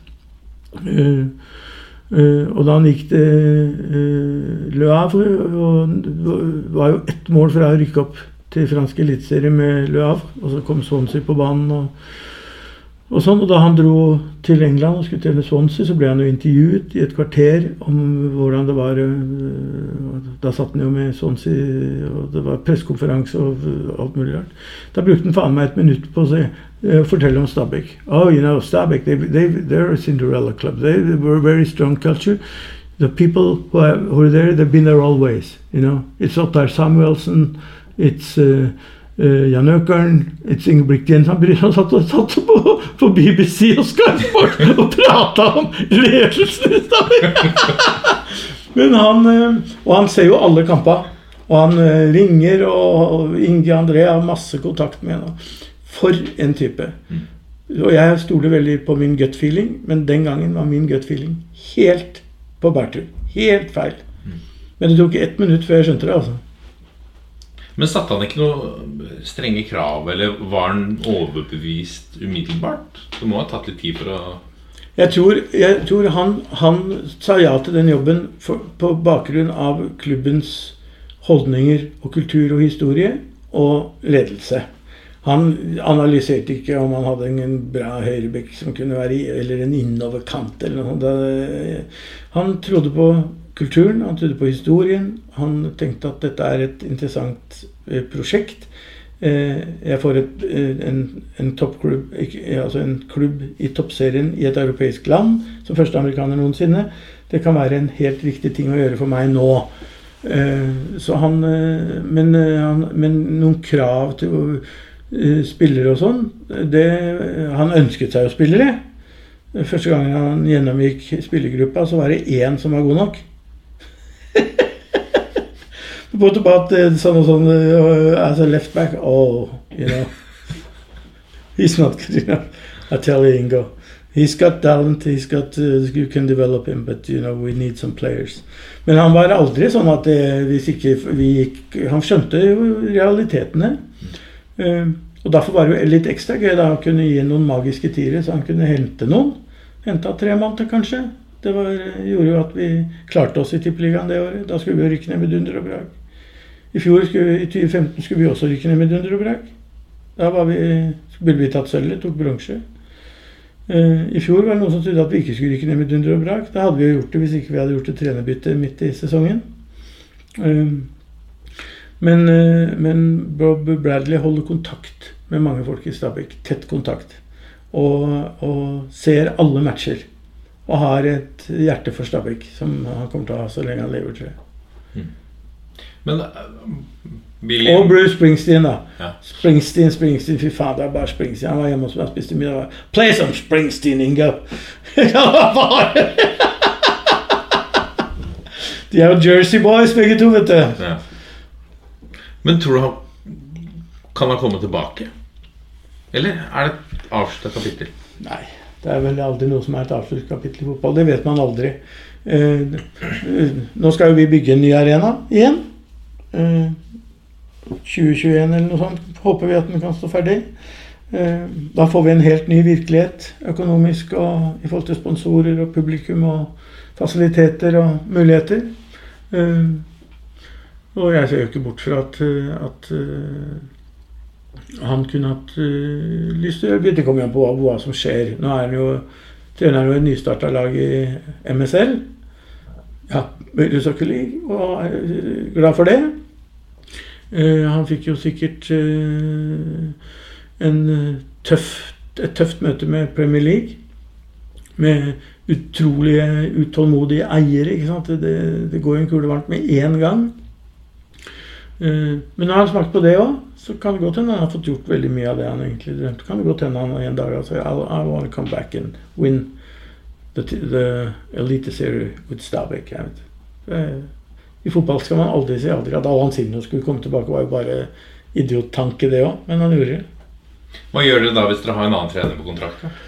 Nei, da vi, vi sparker ikke trenere under kontrakt. Det har, vi det, har, det har skjedd to ganger på de 27 årene siden vi startet med i 1990. Eh, vi driver ikke og eh, sparker fotballtrenere etter for godt befinnende. Så det skjer ikke. Men, eh, men alle fotballtrenere går ut av kontrakt, og alle fotballtrenere kan av og til få tilbud å gå mens de er under kontrakt òg. Så man vet aldri i fotball. Men dette er bare Det er ikke noe sånn plan at Bob Bradley skal komme tilbake igjen, altså, i det hele tatt. Men, men som sagt, man vet aldri i fotball. Bradley Dream. The Bloody, bloody Dream. Han, uh, han elsket den der historien. Det er jo, det er jo sånn If you build it, they will come. Build a baseball arena right in the middle of the desert, but there's no people living oh, If you build it, they will come. Det er, det er jo så amerikansk! Uh, uh, det er en sånn historie som amerikanere elsker. Eh, the underdog og eh, the strong comradeship og alt det der greiene der.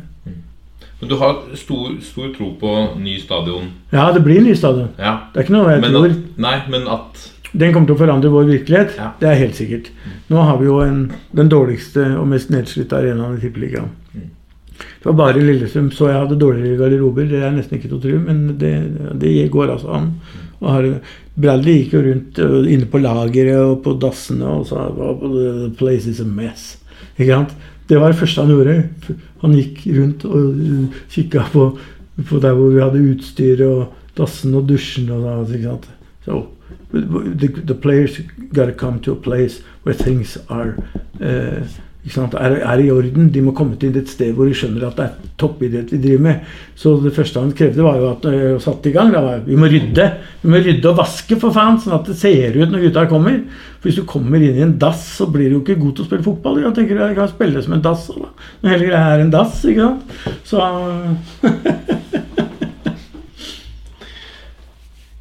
Jeg har hørt eller lest et rykte om utenlandske investorer.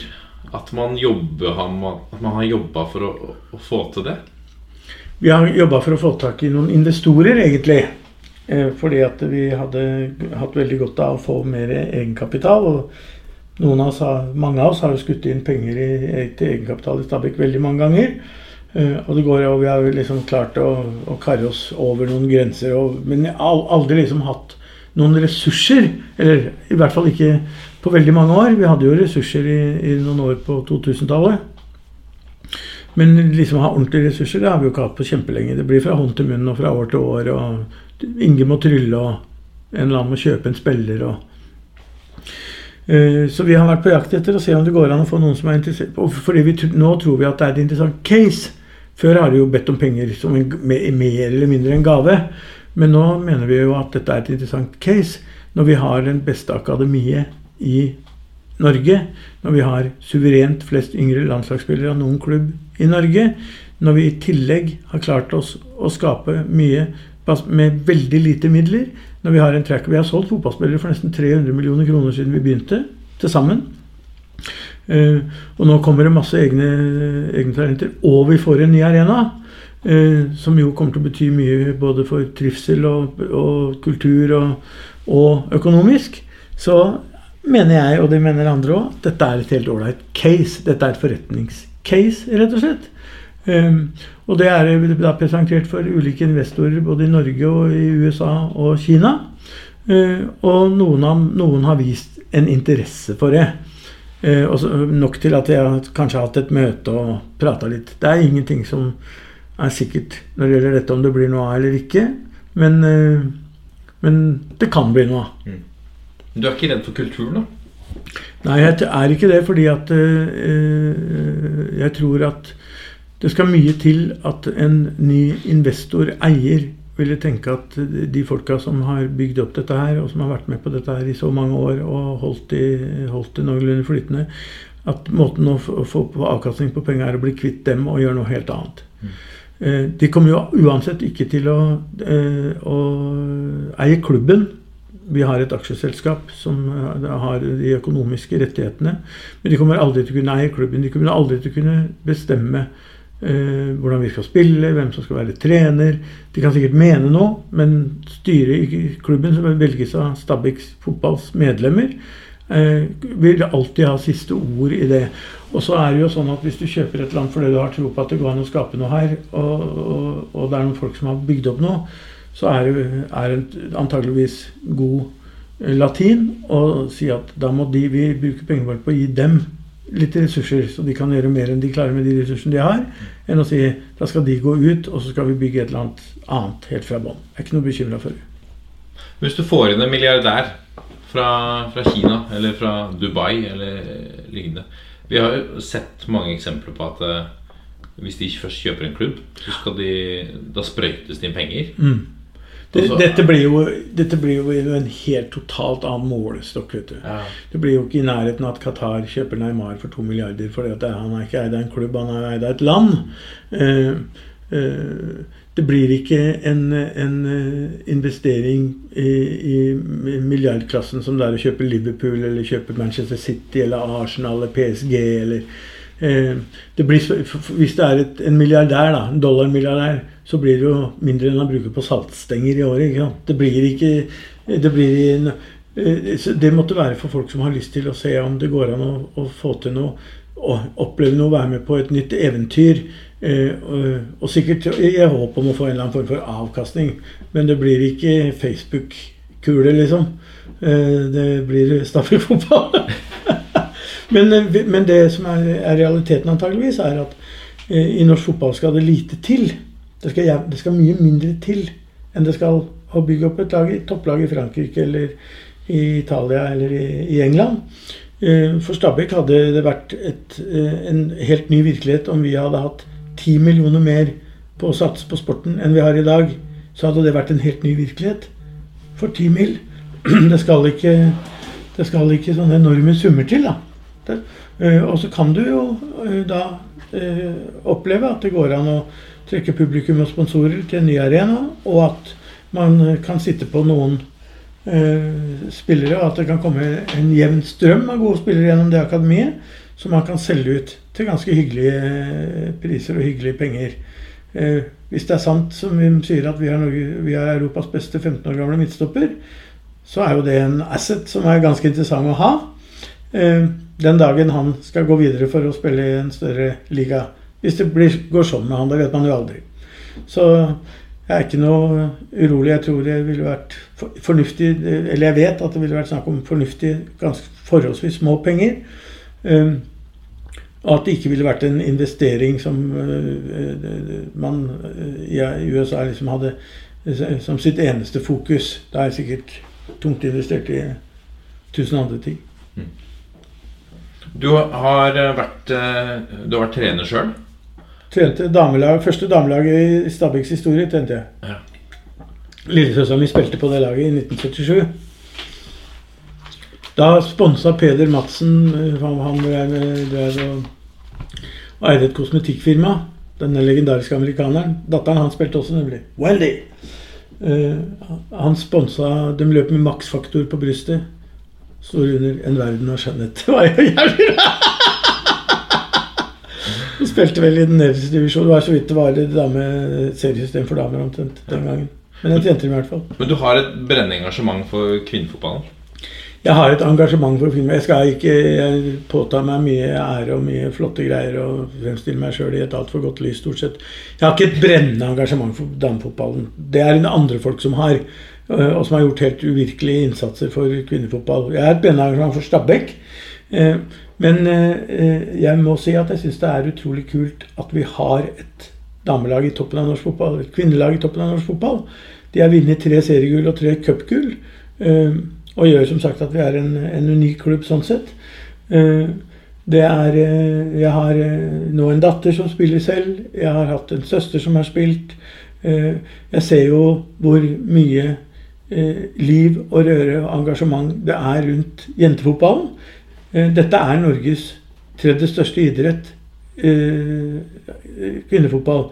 Eh, Det er Norges suverent største kvinneidrett. Glem langrenn og håndball og, og bryting, liksom. Det er fotball norske jenter og kvinner driver med.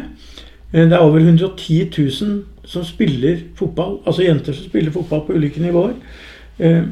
Eh, Og eh, når det er Norges tredje største idrett isolert sett, da er det bare herrefotball og vet du, hva søren er, hvem som kan være større. Kanskje, kanskje håndball. Jeg vet ikke. Eh, Så, så, så er det noe som man, man må ta på alvor. Man må være stolt av det. Man må tenke at det er dritbra at vi holder på. De må få muligheter for å drive toppidrett, de som er i toppen av damefotballen nå. Sånn som eh, de beste i damelangrenn og de beste i damehåndball og de beste i damefriidrett, der er det jo mer eller mindre likestilt. Fotballen er ikke likestilt i det hele tatt. Det er enormt med ressurser, fokus og energi og lidenskap og økonomi som blir sprøyta inn i herrefotballen. Og så er det utrolig lite som settes av til kvinnefotballen. Jeg tror, ikke, jeg tror ikke jeg er langt unna sannheten hvis de sier at norsk toppfotball deler ut over 300 millioner kroner i mediepenger og ditt og lort til de lagene i våre to øverste herredivisjoner. Og så får damefotballen rundt 20. Fra 330 til 20. Og så er vi verdens mest likestilte land. Og når det gjelder fotball, er vi altså så dårlig på likestilling at det er helt utrolig. Så går det jo alltid an å si det er gutta som skaper oppmerksomhet, det er gutta som skaffer penger, det er gutta folk vil betale for, det er de som bidrar med alle sponsorinntektene og sånn. Og det kunne man jo sikkert gjøre i tusen andre sammenhenger når det gjelder likestillingskampen i Norge. Eh, men vi har tatt de grepene likevel. Det er gutta som må sitte i styrene. Det er gutta som må være i regjering, vet du. Ikke sant? Og så har vi gjort det, gjort det likevel. Og sett at det har tilført massevis av verdi og massevis av klokskap og massevis av fargerikdom. Og, og, masse, og det må vi tenke, sånn må vi tenke på damefotballen også. Ikke at det skal få like mye, men, men altså de drømmer om å få ti mil til til sportslig satsing, så noen av spillerne kan kanskje trene en økt på dagtid. Det er på det nivået, ikke sant? Men det, de, de, de penga har ikke kan ikke norsk fotball bruke på, på toppserien for damer. Og det er et gedigent paradoks. Uh, og det kan ikke fortsette. Og det kommer ikke til å fortsette heller. Uh, og Vi snakket litt om Norsk Tipping i stad. Der har jo ledelsen vært tydelig ute. Skrevet kronikk, flott kronikk i Aftenposten hvor de sier at hvis vi skal være en stor samarbeidspartner med norsk fotball, for det er de jo, og det har jo vært både med grasrotandelen og med anleggssiden, og de, de, har vært sponsor for Tippeligaen og osv. Og, og, så videre, og bidrar med veldig mye. Hvis vi skal bidra med det, så kan vi ikke gjøre det til en idrett som er for historisk syn på likestilling. Det passer ikke. Da gidder vi ikke. Da gjør vi noe annet. Og det er klart at det er et kraftfullt signal fra Norges, norsk idretts viktigste samarbeidspartner. Eh, Åsne Havneli og Tonje hva er det for noe igjen? Tonje Sagstuen. De, de, de veit hva de driver med. Eh, du piller ikke dem på nesa. Eh, de har vært ledere for VM på ski og leder Røde Kors. Så du sitter ikke da, som Åsen har gjort, da, og liksom de sier at det er en ikke at jentene ikke får noe vær. For jeg skjønner at det må være sånn. Hun skjønner ikke det. Og det er veldig mange andre som ikke skjønner det. Og jeg tror det kommer til å Jeg tror norsk fotball eh, vil være tjent med å spisse ørene godt og høre på signalene fra omverdenen. Selv om det, kanskje innebærer at jentene får mer enn de skaffer deg, i den grad det går an å være veldig millimeterpresis på det. Og ikke for at det behøver å bli helt likt, og det skal det sikkert ikke være, men at det må bli mer rettferdig enn det er nå, da. Og dette stritter jo imot norske jenters reflekser. Min datter Rakel, som er 11 år og spiller på Jenter 2005 i Stabæk, hun registrerer jo at, at guttene får trene tre ganger, og vi får bare trene én gang. Og guttene får trene på kunstgresset hver gang, men vi må trene på den der eh, humpete Leirbyløkka. Eh, og de får bare dra på, på køpper, fire cuper, vi bare på én cup. Det, det, det stritter i alt hun har tenkt og lært og opplevd om at Jenter er like bra som gutter. Jenter er like mye verdt som gutter. Det sitter jo i norske jenter, det nå. Og så er det ikke sånn i, i Norges største idrett. Det er Nei, hva, hvilken rolle spiller det om å lære det på skolen? Om man Hvis du opplever det Nei, ikke sant? Dette er på nivå med da mutter'n min var, ble valgt inn i kommunestyret i Asker i 1965. Eller 67 var det. Da ble hun valgt inn i kommunestyret i Asker og sa at vi må bygge en barnehage i Asker. For vi, nå kommer, er det så mange unge mennesker som flytter til Borgenåsen, et sånt sted ute i Asker. Eh, og noen av dem er enslige mødre òg. Og hvis de skal kunne jobbe og kunne ha seg et liv, så må vi bygge en barnehage. Dette er i 1967. Og det var altså da vedtatt i Asker kommune. Det er ikke så jævla lenge siden. Vi skal ikke ha barnehager! Hun måtte slåss som et vilt dyr for å få én barnehage! Det er ikke så ikke sant? Det, det, det, er noen ting som, som, man må stå for og ta tak i og gjøre. Uh, uh, og ikke tro at alt er i orden når det gjelder likestilling i Norge på noen områder. Og idretten, i hvert fall fotballen kanskje nesten spesielt. så, så er vi ikke i nærheten engang. Og i nærheten må vi i hvert fall være. Hva tenker du når Det var en sak rett før sommeren hvor, eh, hvor sluttspillkampene til kvinnelaget krasjer med Eliteserien. Ja. Vi har jo flytta med en gang. Altså, det er, det er jo på et nivå vet du, hvor, hvor øh, øh, man ikke engang klarer å lage et merke og sette på drakten til alle øh, eller, toppserielag hvor det står Toppserien. Det står Eliteserien på et merke på alle draktene til herrelag, men de rakk ikke å gjøre det. De rakk ikke. Det var, fikk, Er det forklaringen? ja, fikk ikke ti, eller hva det nå var. Ikke sant? Eh, eh, alle herrelag som har vunnet en cupfinale, får en losje oppkalt etter seg på Ullevål, men ingen damelag får det. Eh, da vi sa at det hadde vært moro å ha en plakett Det står en plakett på Stabæk-losjen, siden vi vant cupen i 98. Hvor det står Stabæk cupmester 98. spurte vi kan vi lage en plakett under hvor det står og, og cupmester for kvinner 2009, 10 og 11 eller når det var. Vi har tre sånne gull. Eh, nei, det ble mye Det ble, det ble litt mye mas. Eh, vi har vunnet et VM-gull i fotball for damer. Fått VM-pokalen. Den finner de ikke. Er mista.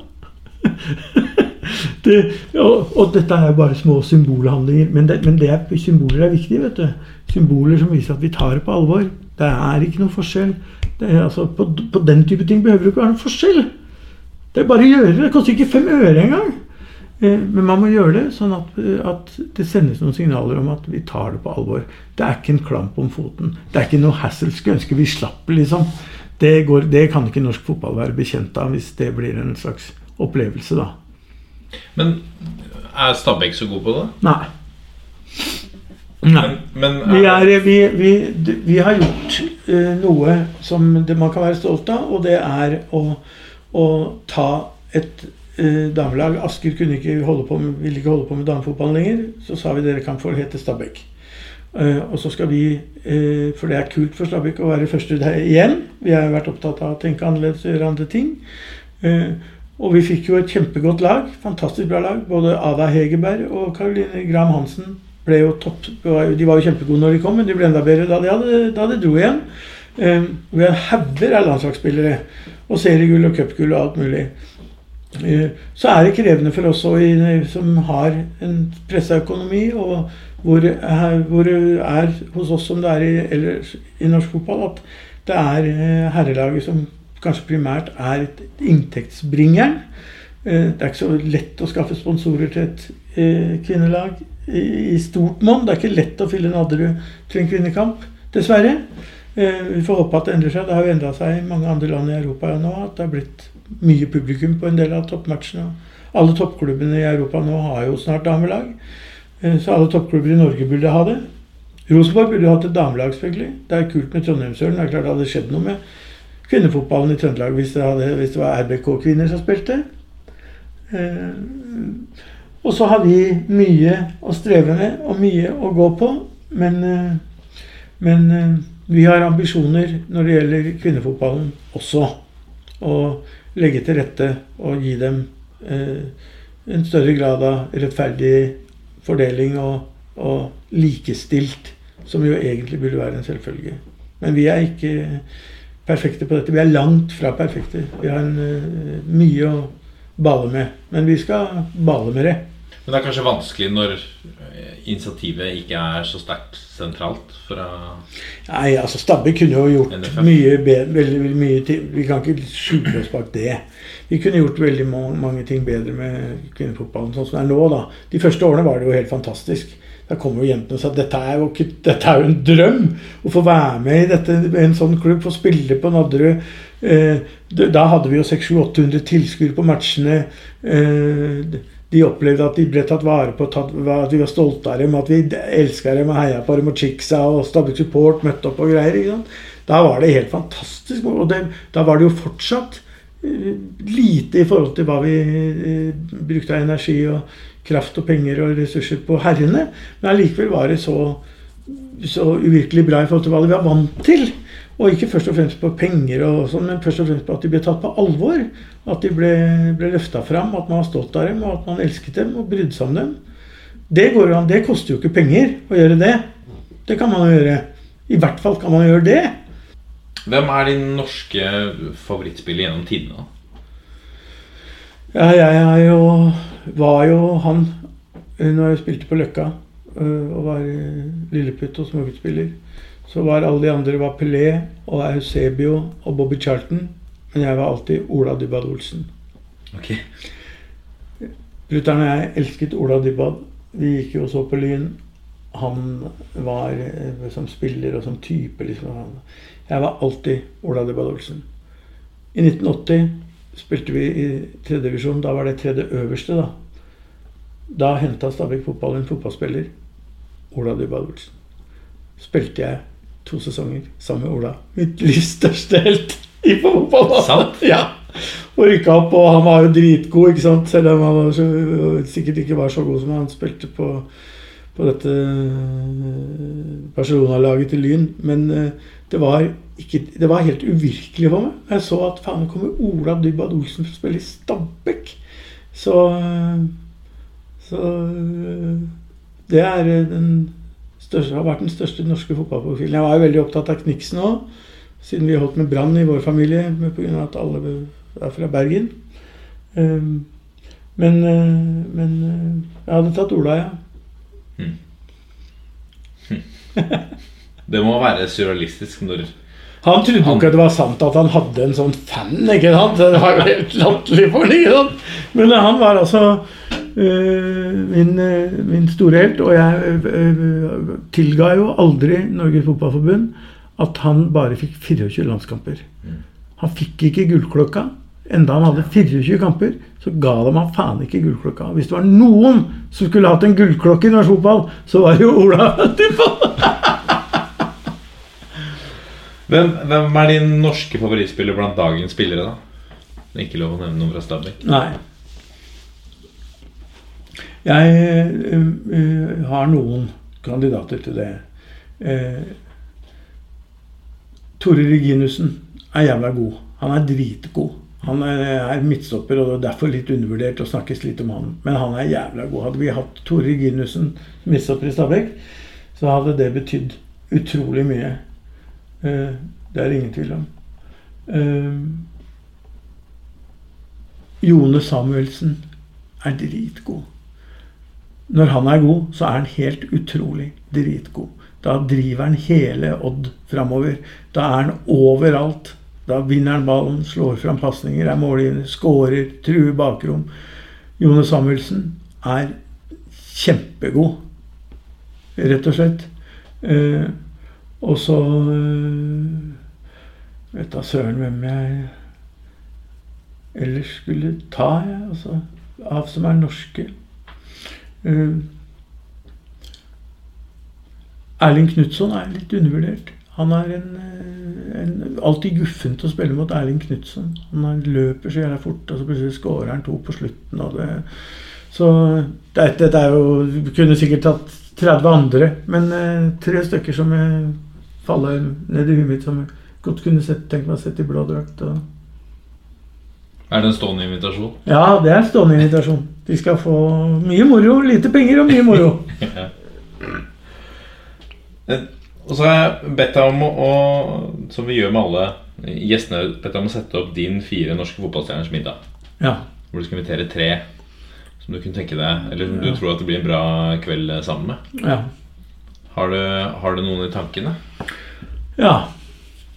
Eh, da ville jeg i likestillingens navn hatt med meg en mann, altså vi ble to, og at det var to kvinner. Eh, eh, blant kvinnene ville jeg tatt med meg Caroline Graham Hansen. Jeg så Stabæk gutter 15 mot Lyn gutter 15 for mange mange år siden. Altså ikke 30 år siden, men sikkert 6-7-8 år siden. Jeg lurer på om ikke Mats Møller Dæhlie faktisk spilte på det Lyn-laget. Eh, men den beste på det lille laget var ei jente. Og det var, dette var et elitelag altså, på gutter 15 med Mats Møller Dæhlie. Den beste på banen var faen meg Caroline Graham Altså. Jeg sto på siden og sa er det mulig? Er det mulig?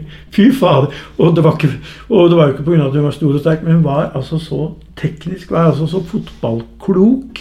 Eh, eh, hadde steg, hadde alt. Hva heter det? Fy fader, hun kommer til å bli god, hun der, altså!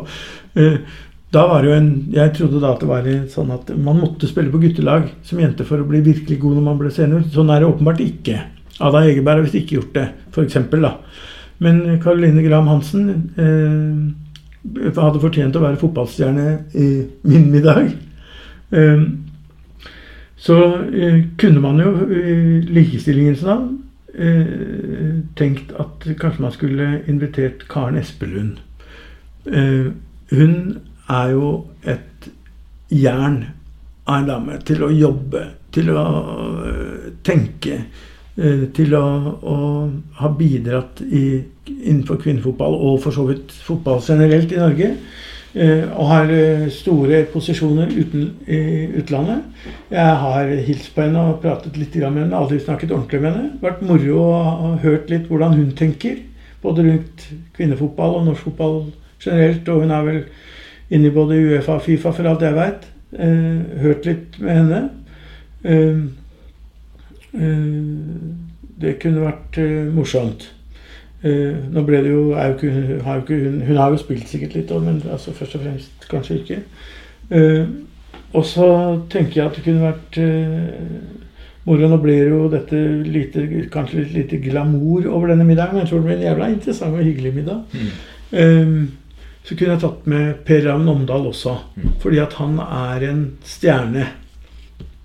Og har betydd også, som Karen og mange andre, Drillo og mange andre, så har han eh, betydd utrolig mye for norsk fotball. Eh, Veldig mye av det som er av ballbinger og av tenkning rundt det, det Fundamentet for fotballen er jo at det er steder å spille og sånn. ikke sant? Han har hatt det perspektivet på, på fotballen. eh, er jo veldig til stede. Har alltid vært opptatt av ungdomsfotball, grasrot, barnefotball. Ikke bare. Og samtidig vært, vært høyt på strå. En, en, kanskje norsk fotballs mektigste mann i mange år. Uh, han er jo ikke local lad, men han er jo bor jo i Bærum. Bor på Fossum og har vært involvert i, i det. Så uh, i forhold til å få en interessant diskusjon mellom Karen og han, og få mye insight på, på hvordan man har tenkt, og hvordan man skal tenke. Og så Karoline som et uh, eksempel på en norsk fotballspiller i verdensklasse. Mm. Tror du det kunne blitt bra? Jeg tror det kunne blitt bra. Jeg hadde, jeg hadde sett på det. Ja. Det er mye gode historier, tror jeg, rundt det bordet. Mye dårlig mat, men mye gode historier. Ja, hva, hva ville du servert, da? Nei, hva ville man servert? Er du, er du god på kjøkkenet? Ja, ålreit. Jeg er blitt ålreit. Jeg har en kjæreste, samboer, som er fantastisk god, så jeg st- strekker meg eh, hele tiden. Ville vel kjørt en eh, lammekaré med eh, søtpotetstappe og eh, en god rødvinsaus og litt, eh, kanskje litt kantareller og en asparges.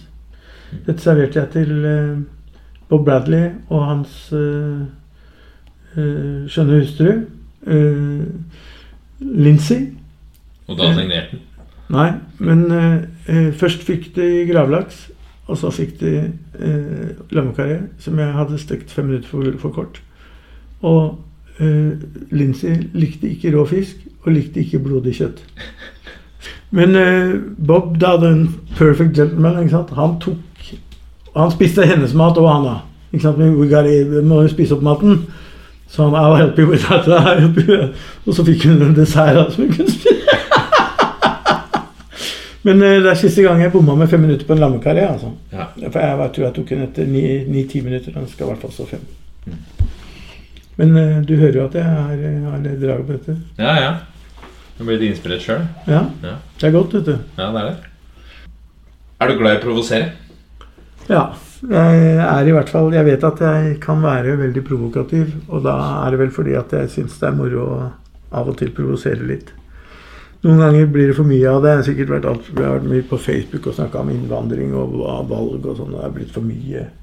Og, og veldig sånn usaklig debattant, da. Ja. Ute etter å komme med sarkasmer og spydigheter og kjæresten min er gæren på meg, og mange er gærne på meg for det.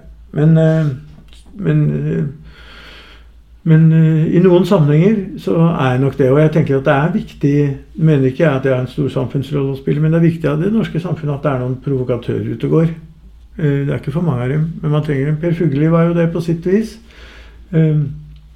Og Bjørnar Moxnes er det på sitt vis. Og Karl Ove Knausgård er det på sitt vis. Eh, Og det er eh, Og Jokke, Jokke Valentin er det på sitt vis. Vi trenger noen sånne. Vi må ha noen. Så det er ikke for mange av dem i Norge, vet du. Så hvis vi ikke blir glad for de få som er, så kan vi jo være så uenige vi bare vil. Og mene at det er oppskrytt og, og, og bare påfuglfjær og alt mulig sånt. Det er lov.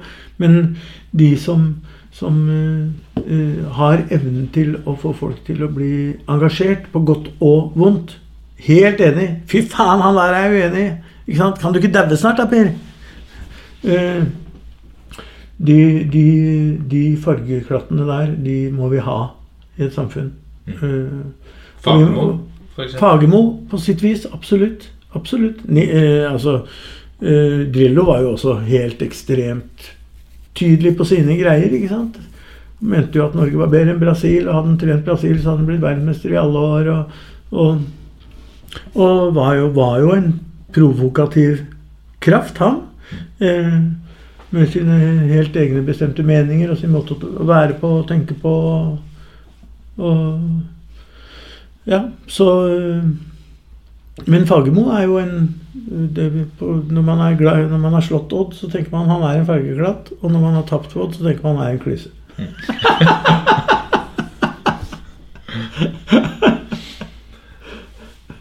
Du sitter her med pulsklokke, Ja. og da tenker jeg Det er skritteller. Ja, skritt, ja, skritteller. Men du kan måle pulsen her vel? Jeg har fått puls her òg. Ja. Den har forandret livet mitt. Ja. Jeg gikk 2500 skritt per dag, tipper jeg, da jeg begynte. Mm. Før jeg fikk det de første dagene, gikk jeg sånn som jeg pleide. 2500 skritt. Nå går jeg tid, nesten 10 000 skritt per dag. Ja. Og det eh, betyr Merkes. mye. Det merkes på alle mulige måter. Humør og litt kondisjon og, og vekt og i det hele tatt. Men, men jeg har hatt pulsklokke på meg òg. ja. Til og med på fotballkamp en gang. Fordi du slår meg som en mann som tidvis vært på. Du har vært med på så mye med Stabæk. Eh, Du er mildt sagt engasjert. Ja. Eh, Det skulle vært interessant å sette den medisinske journalen din for å se en graf på pulsen. jeg hadde pulsklokke på meg, eh, satt på meg av eh, lokalavisen Bustika i, under cupfinalen i 1998 da vi spilte mot Rosenborg.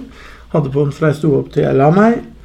Eh, og så sendte de den jo da inn til sånn der eh, analyse. Og eh, eh, den høyeste pulsen som ble målt, den, eh, den ble målt eh, da vi skåra Helge Sigurdsson skåra 3-1-målet et stykke ut i annen omgang. Eh, banka han inn bak i Jamfall, og vi tenkte at eh, nå vinner vi. Nå vinner vi faen meg. Skåra 3-1 i annen ekstraomgang. Da hadde jeg sittet stille på Ullevål i to timer, og stillesittende hadde jeg 181 i puls. Og det er jo nummeret før du dauer. og det er sikkert ikke, ikke heldig. Jeg har, eh, jeg har en Jeg blir Kan bli eh, Jeg merker når jeg sitter på Nadderud nå, fremdeles ved siden av kjæresten min, og nå ser er vel sikkert snart vår tusende tippeliggerkamp med, med Stabæk, at eh, jeg får så vondt i brystet litt uti annen omgang. Vi leder 1-0 og faen, nå kommer de og får, fikk de corner. Faen, har ikke lagt frispark der, det var innkast, faen, hvor lenge er det igjen? og Klokka går ikke. og og jeg kjenner at jeg, da, da puster jeg sikkert sånn kort og stakkato, så jeg får sånn, sånne brystsmerter. Jeg tror jeg ikke det er noe forestående hjerteinfarkt eller noe sånt, men jeg kjenner det ordentlig i kroppen. Og så gjør jeg jo sånn, så derfor har jeg noen sånne ritualer da hver gang motstanderen får corner. Så ser jeg opp på det eh, lys, mot klokkesvingen til venstre. Ser jeg på det, og så ser jeg på kjæresten min som sitter ved siden av meg, og så sier jeg 'Kjære Gud, ikke noe kødd nå'. Jeg gjør det hver eneste corner. Hver eneste Eller et frispark i en annen tilsvarende person. Kjære Gud, ikke noe kødd nå. Uh, og det blir veldig sjelden baklengsmål. Jeg husker det. Men de få gangene jeg ikke husker det, så sitter han hver jævla gang. Dette er toppfotball.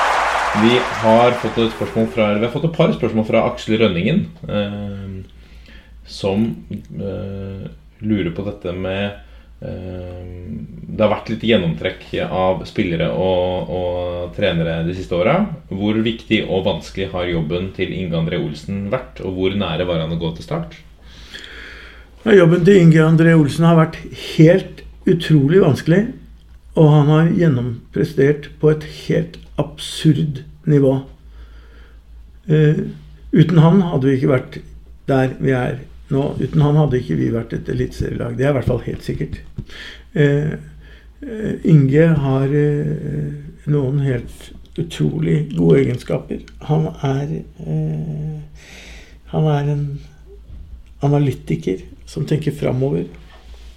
Han eh, har et utrolig godt nettverk. Eh, han skjønner at han har noen rammer han må holde seg innenfor, og klager aldri på dem, egentlig. Han vil alltid, vil alltid ha muligheten til å hente en til til neste sesong. Men hvis vi ikke sier at det går ikke, Inge, så, så, så gjør han det absolutt beste det går an å gjøre ut av det eh, han har. Han har, eh, er fantastisk flink til å få spillere til på utlån og på leiekontrakter og på et halvt år, og sånn som vi har måttet, måttet gjøre. Um, og så er han jo en, en uh, mann som kan fotball veldig godt, som har spilt uh, både i Start og Stabæk og på yngre landslag og alt mulig. Han skulle jo gå til Wimbledon og tjene 17 millioner i året. Helt til Heidar Helgesson brakk beina hans med vilje i den siste kampen han skulle spille før han dro. Og så gikk hele dritten av Mista han hele greia. Jeg har aldri hørt ham klage på det en eneste gang. Uh, så han er, er uh, helt utrolig viktig. og jeg tror at det var veldig nært at han gikk til start. Eh, jeg tror det var det at det dukket opp noen muligheter i forhold til noen potensielle eh, nye eiere, og investorer, som, som kunne ha det, kunne det, var en mulighet. Det er en mulighet for at vi kan få litt andre arbeidsbetingelser. Vi vet ikke det, og Inge vet heller ikke. Men han hadde vel en god nok hunch på det. Han har vært veldig involvert i det sjøl. Eh, så han, han hadde nok kanskje dratt hvis ikke vi, det hadde dukka opp. Men eh, det dukka opp, og Inge har en nøkkelrolle i å få det til for landa det også. Han er involvert i hele greia. Mm. mm. Fantastisk type. Mm. Godt for han med en ny stadion nå. Jeg har snakka med han jeg husker jeg var ganske klar på at Nadderud var ræva. Nå ja. var det på tide å komme seg videre. Han har vært så tålmodig og lagt ned en sånn innsats. Det er helt absurd. Aksel Rønningen spør eh, spørsmål til. Petter Belsvik, Bo Bradley, Bill McKinley og Tony Ordinas er de siste fire trenerne. Og det er ganske forskjellige typer. Hva, hva legges til grunn når Stabæk ser etter nye trenere? Og ser man etter en bestemt måte å spille på? Ja. Det er, eh, det er nedfelt eh, hva klubben skal stå for. Våre verdier og våre ambisjoner. Det er nedfelt at vi har en tydelig strategi i forhold til å allokere store ressurser på akademilaget, eller akademilagene. Det er nedfelt hvordan de lagene skal spille. Eh, du, du, det, det, kommer aldri en trener inn på vårt akademi, så jeg tror at framtida er å slå langt og gjenvinne ballen høyt i banen. Da kan du ikke trene akademilaget i Stabæk. Eh, eh, så, så eh, med unntak av Billy McKinley, som eh, jo var et gedigent feilgrep men det er vel nesten det eneste jeg kan huske at på trenersiden at vi har gjort av feilansettelser. Han mangla mangla karis, karismaen, han mangla liksom lidenskapen. Han hadde den sikkert inni seg, men han fikk det ikke ut. Og han var ikke en karakter du liksom var lett å bli prate med. Han var ikke så glad i å prate med folk. Og de andre, de, de har vi er jo Petter Weldrik er jo vokst opp med Stabæk-fotballen. Kom i 96 og, og, og, dro vel i år 2000 eller noe sånt. Og var, ble toppskårer i Tippeligaen og, og, var hjelpetrener. Eh, og ble hovedtrener. Eh, han vet hvordan Stabæk tenker å spille fotball. Bob Bradley eh, var opptatt av vår måte å tenke på og vår måte å spille fotball på. Han hadde en mer distinkt tenk tenkning rundt press. Høyt press og hvordan man skal presse og hvordan man skal stå posisjonert på banen og sånn, men opptatt av å spille fotball. Opptatt av å holde ballen i lag, opptatt av vennespill. Altså det er jo veldig mye av dette som er Men ikke lang, veldig langt fra en kelker. Han var ikke sånn Knock the ball up! Knock it up! Knock it up! I det hele tatt. Og Ordinas har jo vært med å legge retningslinjene for eh, akademiet og måten å spille fotball på. Eh, og har en kjempetydelig eh, filosofi. Eh, mangler noen spillere til å fylle enkelte av rollene i den, men ser vel også han at de kommer. Eh, så, så, det kan fortone seg som tre til fire veldig forskjellige, men det er én som er forskjellig. Og de andre tre de står bunnsolid på filosofien i Stabæk, både fotballmessig og kulturmessig. Jørgen Eide Nei, unnskyld. Erik Novik Reinans eh, lurer på hvorfor koster billigst billett for en nøytral tilskuer 340 kroner? Det gjør det ikke. Det gjør det ikke. Hva koster den billigste billetten? For en nøytral tilfelle Jeg vet ikke hva de betaler, de som står på bortefeltet. Altså supporterne. Det tror jeg er forholdsvis rimelig. Eh, Den billigste billetten Jeg må innrømme at jeg ikke har helt total oversikt overalt. Men på, hvis du vil sitte på, på uh, langsida motsatt hovedtribunen, så får du sitteplass på Nadderud for, eh, til en tippeligakamp på 150. Ja. Ja, Så det er feil. Ja. Det er, jeg tror ikke vi har, selger én billett som koster 300. Jeg tror den dyreste billetten, uh, som er under tak på øvre tribune, ganske midt på, på hovedtribunen, er, kan være 250. Så den, han må ringe meg neste gang jeg skal komme. Skal jeg følge ham i billettboden og hjelpe ham til å få en billig billett. Benjamin Sears lurer på om Stabæk har et samarbeid med NTG, og hvis ja, hvilke spillere har kommet gjennom det systemet? Vi har et veldig tett samarbeid med NTG. Hvis du skal være på, på gutter 16 eller gutter 19, vil altså gå på ungdomsskole eller, eller i hvert fall videregående, eh, og spille på et eh, elitelag i akademiet, så må du gå på NTG. Fordi at vi trener i skoletida eh, sammen med dem. Det er vel et par unntak som, eh, som, eh, som ikke gjør det. Men eh, det, det samarbeidet er nøkkelen til veldig mye. For det er nøkkelen til at de får trent på dagtid. Og at de kan sette av den tiden det tar å, å være med. Så det, det har noen store fordeler. Så er det noen ulemper ved det. det, er, nesten sånn at du må. Og så kan det hende at noen har hatt ønske om å gå på en annen linje eller en annen type videregående skole eller et eller annet. Men, men øh, det er ikke så lett, det. Eh, selv om øh, det fremdeles ikke er alle. Men på et eller annet nivå så er det så tett sammenvevd at, eh, at eh, vi ser på det som en, en enorm ressurs og en enorm mulighet for unge, ambisiøse fotballspillere å kombinere skole og fotball på et høyt, ordentlig høyt nivå. Mm. Mm. Så tar vi med et siste spørsmål. Magnus Nikolaisen som lurer på hvem er best på spillerekruttering av Tom Skjelvan og Inge André Olsen. Ja, det, er- Der er det kamp om, eh, om å bli kåra. Der vil jeg sagt de er like gode. Men de er litt på hver sin måte. Inge er veldig analytisk. Eh, eh, Inge er nok en betydelig bedre forhandler. Eh, eh, eh, Tom er intuitiv. Han står på sidelinja og ser på oppvarminga, han. Han kom tilbake her i 1999 og sa nå må jeg spenne inn spiller i, i Norby. Ja, det, ja, det er nest øverste i Sverige. Ja, har du sett den spille? Ja, jeg, jeg så han ikke spille, han kom ikke innpå. Men jeg så han varma opp. Han, er, han blir god. Han må vi hente. Hva heter han for noe? Han heter Kippen Wilhelmsson. Da hadde ikke en svensk klubb engang skjønt hvem det var. Men, men Tom så det. Og sa, han må så han på oppvarminga. Han, han er veldig opptatt av Det er kødder ikke, altså. Han sier, sier, sier at åssen var det på oppvarminga? sier jeg. Han var han har, eh, har eh, et intuitivt blikk for noen ting. Som, eh, Alasinho kom jo, han var jo helt snål og merkelig og spilte for seg sjøl og skjønte og Folk sa at han er, er i noe. Han blir god. Han må du bare vente litt. Han blir god. Og han følger jo med på, på alle lag fra 9-10 og oppover og ser hvem som har et eller annet spesielt. da. Tom har et sånt fantastisk intuitivt blikk for hva som kan bli ordentlig bra. Eh, Og som sagt eh, den eneste scout i verden som mest er interessert i oppvarminga. Ingebrigt Sten Jensen, dette har vært eh, noen eh, ja, to Tre timer, har Tre timer. Faen! Det har vært helt eh, fantastisk. Takk for at jeg fikk lov å komme på besøk og prate litt med deg.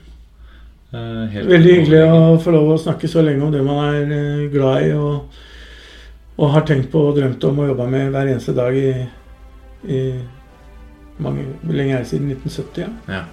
80, 90, 2000, 2000 47 år. I toppfotball så har vi et slagord som nesten er likt. Det kunne like gjerne vært i, i Stabæk. Det pleier vi å si på Det heter 'Vi er en gjeng'. Ja. Så pleier vi å si det på 1, 2, 3 på slutten. Og det kan vi gjøre nå. Ja. 1, 2, 3. Vi er en gjeng! Ha det! Ha det!